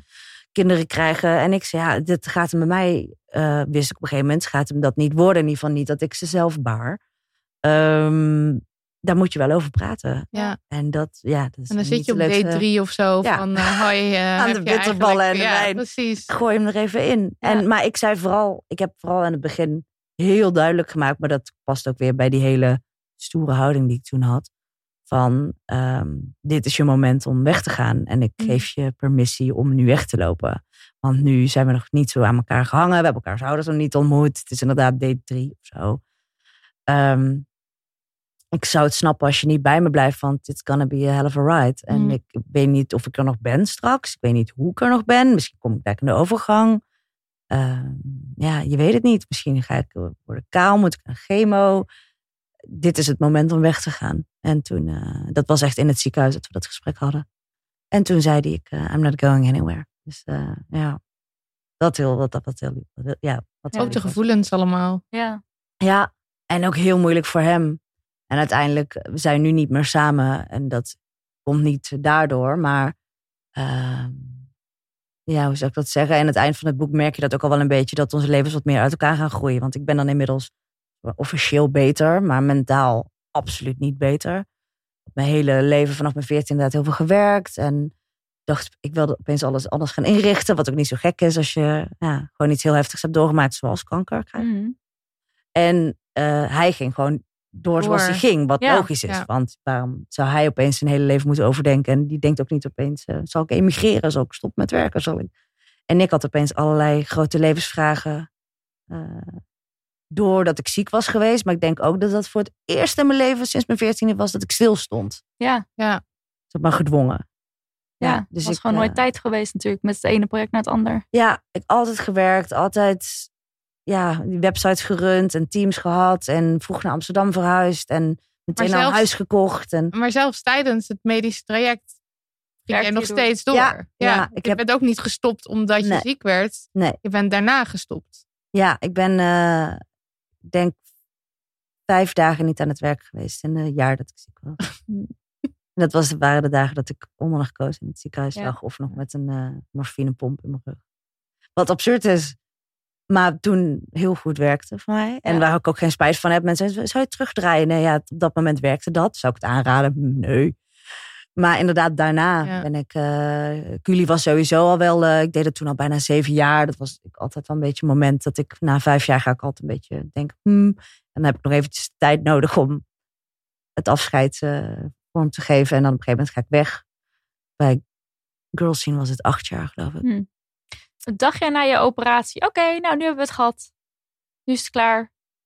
Eh, als in de kanker is echt weg? Je- nou ja, ja dat, of maar gewoon- ook zeg maar het mentaal. Zo van nu heb ik het nu. Het kanker Oh, op die manier. afgerond. Eh, ik hoopte dat. Ik denk dat ik er op dat moment me be- begon te realiseren dat het mentale herstel pas startte als het lichamelijke herstel soort van was ingezet. Eh, dat zeggen veel artsen ook wel en psychologen ook wel, dat het heel moeilijk is om het tegelijk te doen. Omdat je li- lichaam is gewoon echt letterlijk eerst lichamelijk overleven en daarna zien we wel. Dat schijnt een soort van Mhm. voorgeprogrammeerd te zijn. Het is heel moeilijk om tegelijk te doen. Terwijl het natuurlijk is, gebeurt er iets qua herstel, maar dat echt een, een- plekje geven gebeurt daarna pas. En dat had ik heel erg. En ik best wel een hele heftige medicijnen gezeten. Eh oxycodon, wat nu eh, ook wel wereldwijd best wel een hele grote, heftige druk, eh, verslaving. Het is gewoon verslavender dan heroïne. Eh, ik vond het Maar ontzettend moeilijk om voor af je te komen. lichamelijke klachten, toch? Ja, het is een soort vorm van morfine die je zeg maar, mee naar huis krijgt in tabletjes. En dat heb ik in het boek wel beschreven. Ehm, achteraf gezien is het een van de weinige dingen waar ik spijt van heb hoe ik het heb opgeschreven. Want het was het denk ik nog wel nog veel heftiger dan ik het heb beschreven. Hm. Hmm. Eh, Een beetje gesugarcoat. ja, ik weet niet waarom. Misschien ook omdat ik nu alweer een paar jaar Ook verder ben. jezelf, En verder ga nadenken en denk... ik heb het niet rooskleurig opgeschreven. Het staat in het boek echt wel zoals het was. Ik was gewoon mezelf moeten willen gaan het verdoven. Wilde er niet mee stoppen. Ehm, was sowieso in die periode heel erg soort aan het inhalen. En het feesten en het uitgaan. En, maar nu ik nog verder kijk en ook weer meer mensen heb gesproken. Ook die ook aan oxycodon hebben gezeten en zo. Dat was, dat was echt een verslaving. Het Mm. was dan maar drie maanden of zo. Maar En daarna was je, eh, hoe noem je dat, je recept afgelopen en toen kreeg je Ja. het ook niet meer. Ja, en ik weet ook nog, dat durf ik nu. Dat is iets waar ik me echt voor schaamde. En dat staat niet in het boek, maar dat kan ik nu vol, nou ja, niet zonder schaamte zeggen. Maar ik heb echt gewoon een soort van gebedeld. Oh, bij ja, mijn ja. arts en gezegd. meer. En soort, Ja. en ik heb nooit gefaked van ik heb het nodig. Maar echt zo van, maar eh, is er een eh, optie dat... eh, Ik vind het nu ook heel moeilijk om toe te geven, want het voelt heel zwak. Eh, maar dan denk ik, ja, het komt door het spul wat ze me hebben gegeven. Ja. Ja. En omdat je niet echt logisch. in, een- in Jouw een good place bent. Nee, maar het voelt toch van, je moet toch kunnen stoppen als de pilletjes op zijn. Maar werd, daar, werd, je, werd je daar een beetje op voorbereid? Nee. Want dit is een verslaving ook niet. Nee, en nu, er was vorig jaar een heel groot artikel in het NRC over dit soort van eh oxycodon-epidemie, of hoe noemen ze het dan? Ehm, ja, dat het tegenwoordig al aan tieners wordt gegeven na een wortelkanaalbehandeling bij, Oei, de, ja. bij de tandarts. En echt, ja, het is echt heftig. Ja. Dus, eh, maar om, waarom ik hierop kwam is omdat het mentale stuk, ook denk ik door al die verdoving die ik toen had, Gewoon allemaal Mm, uitgesteld wordt. ja, echt uitgesteld werd. Ja. Ja. En daarna opeens een soort van een enorme klap was. Terwijl mijn vrienden en mijn familie eigenlijk allemaal een soort van de vlag uithingen. Ja. Monique is beter. En ik dacht alleen maar, huh?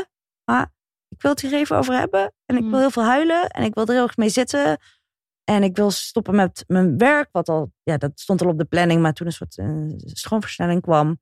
En iedereen om me heen was van, hu? Maar Je bent toch Je bent er weer. je bent al een jaar lang aan het grappen en het lachen. En dan nu?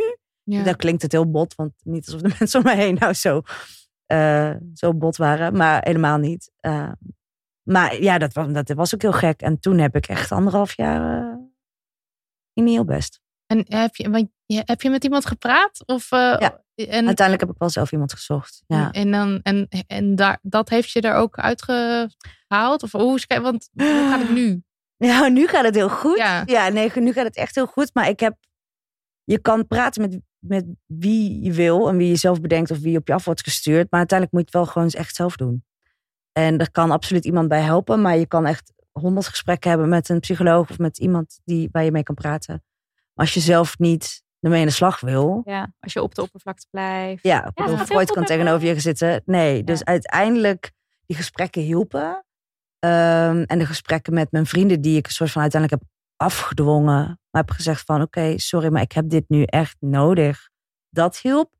En uiteindelijk moet je het vooral ook gewoon heel erg zelf doen. Tenminste Ja. voor mij. Ik kan er van mezelf spreken. Ja. Ja, en eh, begin dit jaar, eh, dat heb ik eh, wat stiller gehouden. Omdat ik dat zelf heel moeilijk vond. Eh, en ik zit altijd een soort moment te zoeken wanneer ik het ga delen. Maar goed, nou bij deze dan de eerste keer. Eh, spoiler, alles is uiteindelijk goed. Maar eh er leek alsof er een uitzaaiing was. Oké. Oh, Ja. spannend. Ja, dat was eind vorig jaar, begin dit jaar. Eh, uiteindelijk bleek het niet zo te zijn. Bleek Mm. gewoon ja, een soort van weefsel wat raar is gegroeid, maar niet schadelijk is. Niet eh, slecht. Eh, maar toen kwam alles wel weer helemaal terug. Ja. En ook dat praten erover. En toen merkte ik dat de mensen om mij heen, dat ik die inmiddels soort van had gecoacht hoe mij te helpen. Ah, fijn. klinkt. Ja, maar dat, dat ik zelf veel beter kon aangeven. Eh, en dat ik nu een partner heb die echt vol in de lieve zorgmodus ging. En eh, er echt helemaal voor me was. En ja, dus dat, ja. Dus nu is het heel anders. nu is het heel anders. Dus Nu ik oude rot in mijn, mijn lichaam ging nog een soort van, dacht van, even een duw over. Even kijken hoe je er nu mee omgaat. Nou, Ja. het ging een stuk beter. Dus ja. En, en het lichamelijke deel, want ehm, ik was eh, in de veronderstelling, dat was heel naïef van mij, van oké, je hebt die operatie en dan herstel je en dan is het weer oké. Maar dat, Nou, een heel groot deel is oké, gelukkig. Alles doet het nog aan alle kanten. Ehm, wat een groot verschil is, is dat je... ehm, ik word nog wel van binnen ongesteld, maar aan de buitenkant merk je niks. Wat echt fucking fijn is, want nooit bloed. Ehm, maar wel bijvoorbeeld maar de PMS of hormonen en zo. maar wat ja. heel raar is, want je probeert bij te houden. Heb ik nou buikpijn van? Heb ik een verkeerde mossel gegeten? Of eh, eh, is er iets aan de hand? En op een gegeven moment ga je het dan bijhouden. Maar dat, ja, Hou je, hou je nu je cyclus ik bij? hou het nu Ja. bij. Ik, eh, ik, maar dan denk ik altijd, is dit nou mijn ijsprong of mijn menstruatieweek die ik niet merk? Van je weet Ja. het niet. Nee, ja. Ehm, dat is soms best wel lastig. Want dan op een, gegeven, op een gegeven moment weet je wel van, oh, dit is die kramp, weet je wel. En dan word je straks wakker en dan, eh, of de volgende nacht wakker en dan, is het, dan ligt bloed. Eh, dus dat is bij mij veranderd, maar dat is ook best wel fijn. Als je geen kinderwens hebt, zoals ik heb, is het heel chill dat je nooit bang hoeft te zijn. Ik merkte dat ik vorig jaar opeens dacht, oh, oh, oh nee, natuurlijk niet. En dan ben ik ook nog wel in een lesbische relatie, dus dat wordt helemaal vrij eh, uniek als dat zou lukken. Mogelijk. Ja, maar dat ik heel dom echt zo dacht van... Oh, ik ben zo misselijk. Wat zal het er aan de hand zijn? En dat ik dacht, ik heb echt twee hele goede redenen... waarom dit niet een zwangerschap kan zijn. heel Uiteindelijk hilarisch. erg hard om gelachen met Norma. Maar eh, nee, dus dat is veranderd. Ehm, maar dat vind ik allebei niet heel erg. Mhm. Eh, het enige wat ik wel heel erg vind, en dat komt helaas vaak voor, ik weet geen percentage, bij vrouwen die dan zo'n radicale baarmoederverwijdering hebben gehad. Die heb ik dus ook gehad. Dan wordt niet alleen de baarmoeder verwijderd, maar steunweefsel en lymfeklieren eromheen ook. En als dat gebeurt, dan worden er vaak zoveel lymfeklieren weggehaald dat er lymfeudeem ontstaat. En dan heb je dus allemaal vochtophopingen ehm, in je lijf op een bepaalde plek. Bij mij het in mijn liezen en in mijn bovenbenen. ehm, waar het vocht niet meer weg kan. En dan krijg je dus een heel dik been. Want dat zijn lymfeklieren die dat vocht normaliter soort van reguleren. Ja, dat is een heel grappige vergelijking die mijn arts ooit heeft gegeven. Mocht je ooit denken, ik ken iemand met lymfeudeem, dan weet je nu hoe het werkt. Mhm. Eh, normaal heb je een soort snelweg met eh, afritten en autootjes erop. En je hebt genoeg afritten voor de autootjes om eraf te gaan. Ah, ja. Ehm, maar in dit geval bij lymfeudeem eh, zijn er minder afritten, maar evenveel autootjes. Ja. Dus de autootjes, wat gaan ze doen? Die hoopt op en propt. En je lichaam zou dan eigenlijk nieuwe eh, afritten moeten aanmaken. Maar dat kan niet. Die Nee. lymfeklieren komen nooit meer terug. Eh, bij mij zijn er bijna 30 weggehaald. Eh, dat is best veel. Ja. Eh, maar die, die groeien niet meer aan, die komen niet meer terug. Dus wat moet je lichaam leren? De autootjes zeg maar, de goede kant op te sturen. En Ja. niet allemaal afrit A te nemen, zeg maar dat. En dat doet ook pijn? En dat doet. Het, ja, het is meer totaal ongemak. Zelfs als je wat vollere benen hebt en die schuren heel erg tegen elkaar aan, Mhm. is het pijn. Het is gewoon een soort van zwaar en het is veel. En aan het eind van de dag wil je gewoon alleen maar zitten of liggen. Dat is het een beetje. Eh, er zijn een hele hoop kleren die ik niet meer pas. Terwijl, ik, het geen vet is, het is vocht. Hmm. Eh, dat vind ik soms. Wordt het gedurende de dag? Ja. gebeurt dat? Soms sta ik ermee op en is het heel erg. Ik heb nu echt een goede dag. Ik heb ook een hele. Ik ga elke week naar een lymfodeemtherapeut. Voor een soort massage? Een uur, ja, een soort eh, hele heftige massage. Ehm, en ook allerlei andere delen van je lichaam worden dan gemasseerd waar nog wel lymfeklieren zitten om die te zeggen: Hallo, jullie zijn de afritten die het moeten gaan doen voor dit lichaam. Ehm, en ik heb hele sexy steunbroekjes. En een soort van bedenk spanks en dan nog tien keer strakker. Zeg maar dat je na vijf minuten in je diner het uit wilt trekken. Oh, maar ja. dat, zie draag ik thuis. Maar dat helpt wel. Dat helpt enorm, maar het zit vreselijk. En je Ja. kan al helemaal niet mee uit eten. En eh, laat staan sporten of dansen of dat soort dingen. Dus eh, ik heb mezelf... Dat heeft wel echt lang geduurd. De corona hielp daar fantastisch bij. Ik heb echt tegen mezelf nu gezegd... er is absoluut geen noodzaak meer om hele strakke broeken aan te doen. En hele hoge hakken te dragen. Lukt Die niet meer. pandemie hielp daar heel Ja, erg bij. Of misschien precies. ouder worden. Comfort voor alles. Maar bij mij is het gewoon Ja. echt zo. Ik heb gewoon allemaal hele fijne broeken die een soort van joggingachtig zitten, maar er wel netjes uitzien. En panties kunnen vaak wel. Hm. Eh, maar ik heb laatst dacht ik weer, oh, ik doe die hele leuke skinny broek aan. En dan leuk met laagjes met eh 8 centimeter, 10 centimeter hak erbij. Nou, dan s'avonds kun je gewoon echt, nou ja, smiddags kun je, maar ik ben gewoon, moet je gewoon naar huis. En dan Ja. moet mijn been omhoog en Oh ja. Het koelen en die broekjes aan, wat niet gaat als je been soort van. Mijn been wordt denk ik, ik heb normaal maat 36, 38 en dat been is dan echt 40, 42. Ja. Oh ja. En dan soms ook één meer dan de ander, vooral. Dat is heel ook leuk. Was daar de broek wel en daar niet. Ja.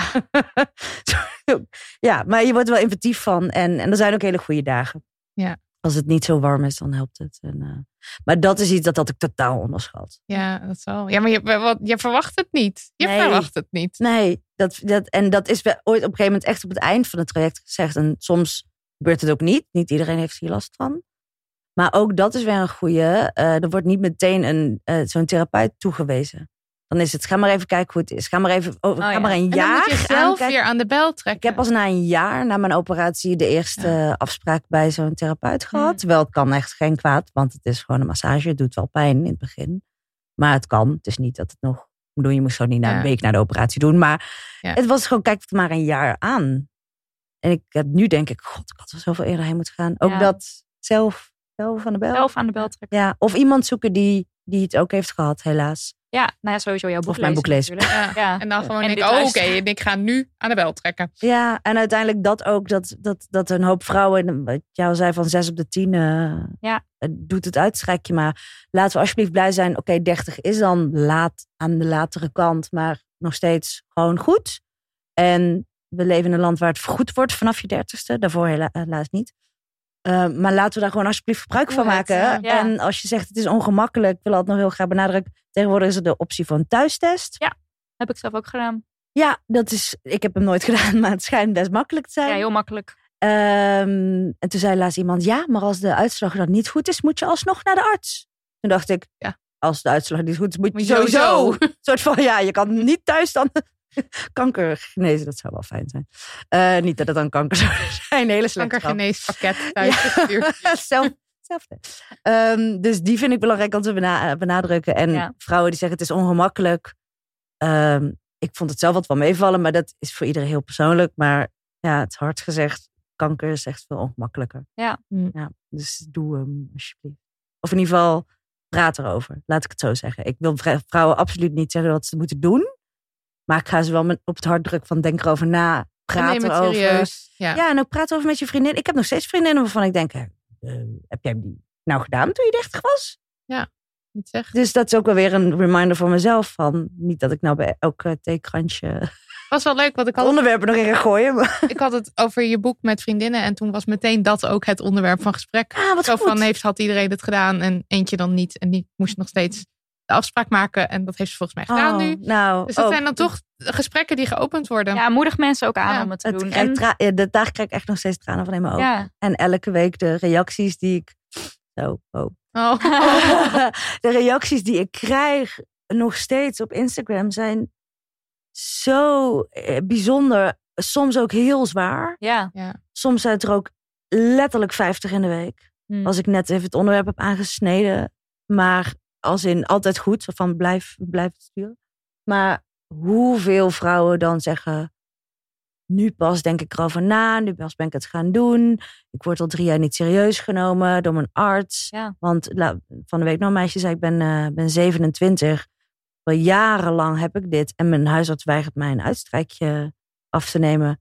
Van, het is een wattenstaafje die er even Oh, in wat gaat. Het is niet een MRI-scan. Ga je dat nou iemand weigeren ook? Ja, die zegt je bent nog geen 30. Wacht maar. Ik kan er niet bij. Ik kan er, Nee. ik zit dan huilend en boos zo'n bericht te lezen. Ik denk dan, waar woont die huisarts? Ja. ja, we gaan met z'n allen. Op de, op de barricade. Maar dat, eh, het maakt me gelukkig ook wel heel strijdbaar. Maar ik vind het verschrikkelijk dat... Het, het is een uitstrijkje. Dit is puur een geldkwestie. Het is niet moeilijk. Het is zo gepiept. Het, je En het als er echt lab. iets ernstig aan de hand is, dan bespaar je ook allemaal. eh, Ja, en het kan ook endometriose zijn, of PCOS, of eh, een, een disbalans. En daar gaan we weer. Het wordt gewoon En- niet serieus Nee, gedaan. ik kan niet hierover blijven praten. Ugh. Ja. Nou, koop allemaal het boek, Ja. zou ik willen zeggen. Lees het Je bent jong en je krijgt wat. En, eh, Geef het door. Monique. en dankjewel. Dank jullie wel.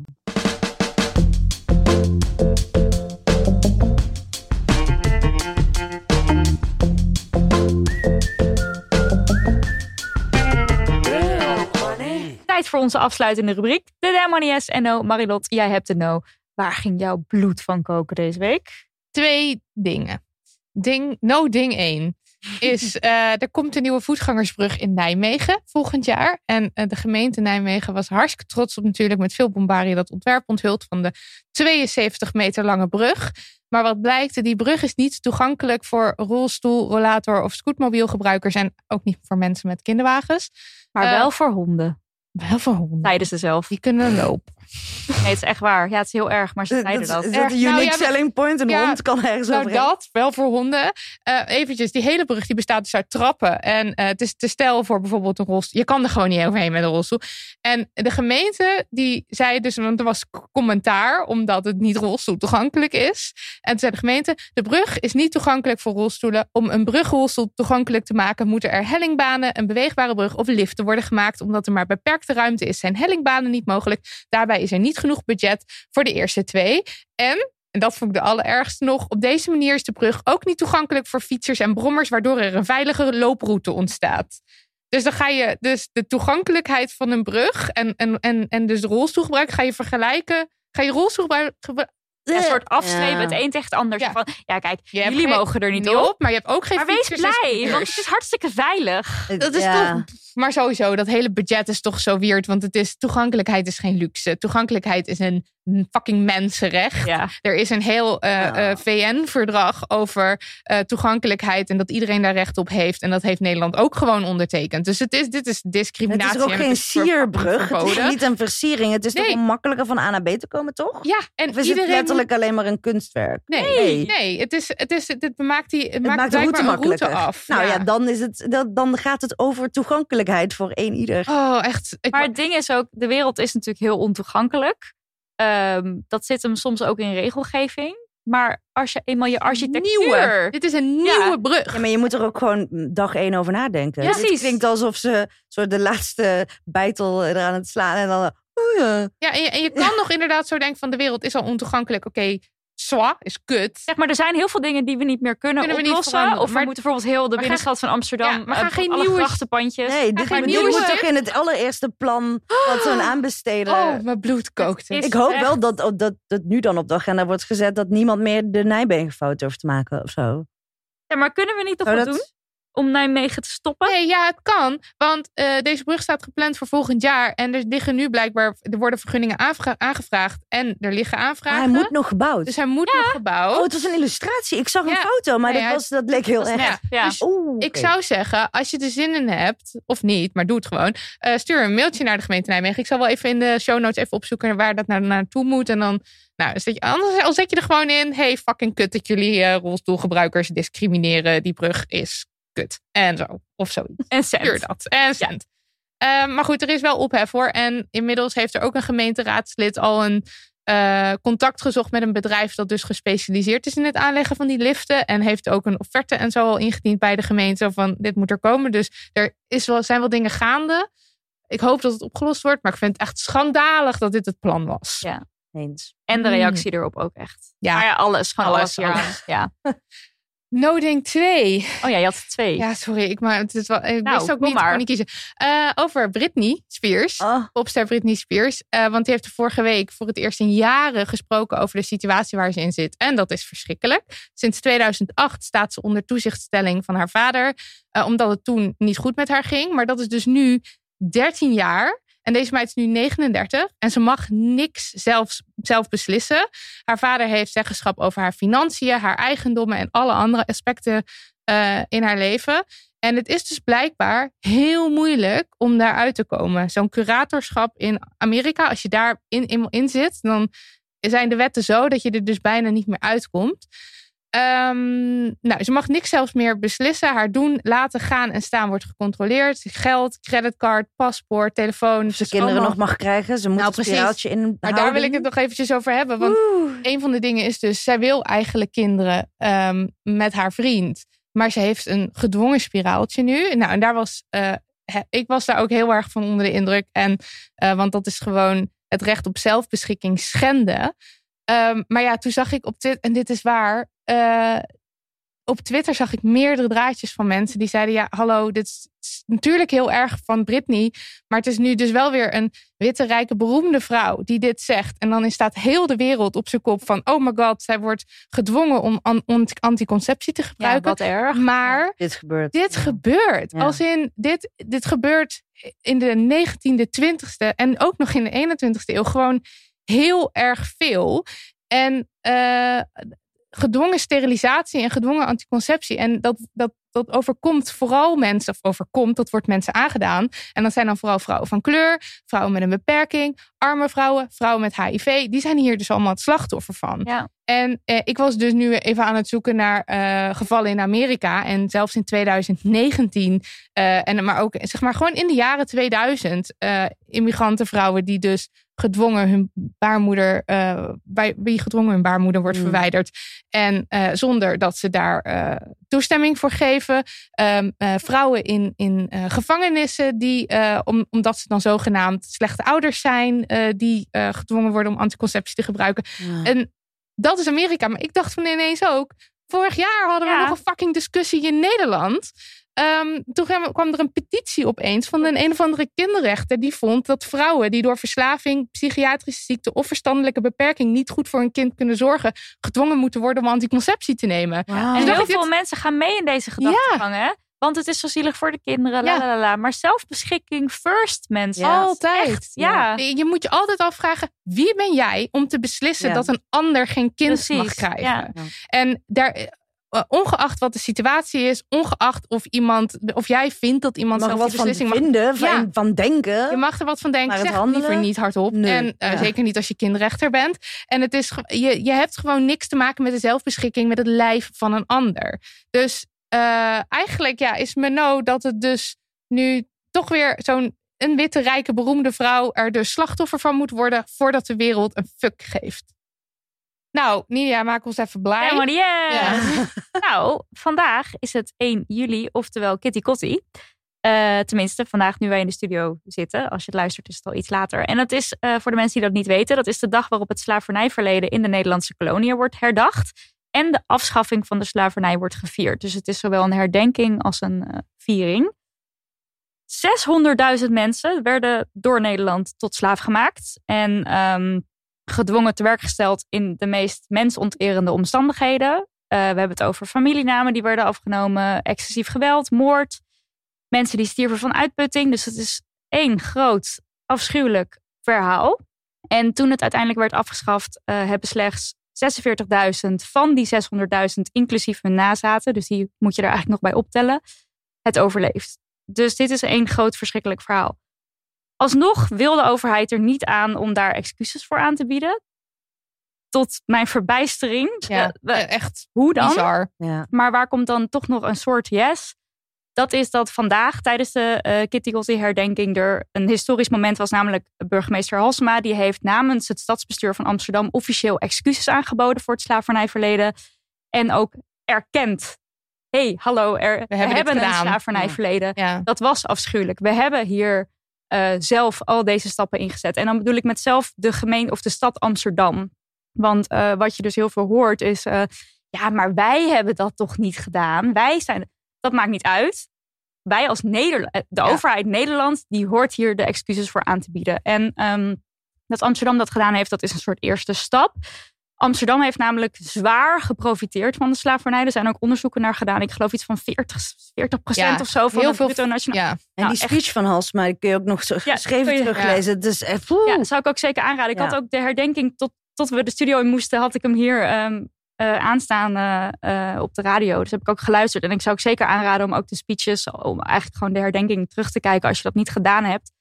Ook omdat het voor heel veel mensen is het slavernijverleden iets heel erg. eh, het is genegeerd. Het is, we, we hebben er weinig over. Op school kreeg ik er volgens mij één paragraaf over. Maar het ik heb- VOC komt natuurlijk heel leuk. Oh, we Ja, dat is natuurlijk de hele tijd- peper. En dat Precies. gaat dan tien pagina's over. En dat, wat er gebeurd is en, Ja. en, en op, op welke schaal en op welke, ehm, ja, hoe zeg ik dat? Een ingericht systeem, zeg maar, drie eeuwen lang, waarop we mensen kunt profiteren, uitbuiten. ja. Ja, en waardoor we dus hier in Amsterdam, oh, wat een mooie gevels en oh, die prachtige schilderijen, waarop al die machtige mannen toch Ja. zo mooi zijn afge... Komt Allemaal, over de rug hier. van... En je noemt het, en we noemen het de Gouden Eeuw. En het is nog steeds de Gouden. Bocht hier op de grachtengordel. En Dit- ja, er waren gouden dingen, maar ook heel veel. En dat ja, En, eh, moeten beter. ja. Er is, Ja. een, eh, er is een slavernij tentoonstelling in het Rijk. Die, heb ik dus nog, die heb ik nog niet gezien. Maar ik was wel in het Rijkslaat. En ze hebben nu ook bij ehm, zeg maar de meer permanente werken. Hebben ze nu bij sommige werken hebben ze er een, eh, een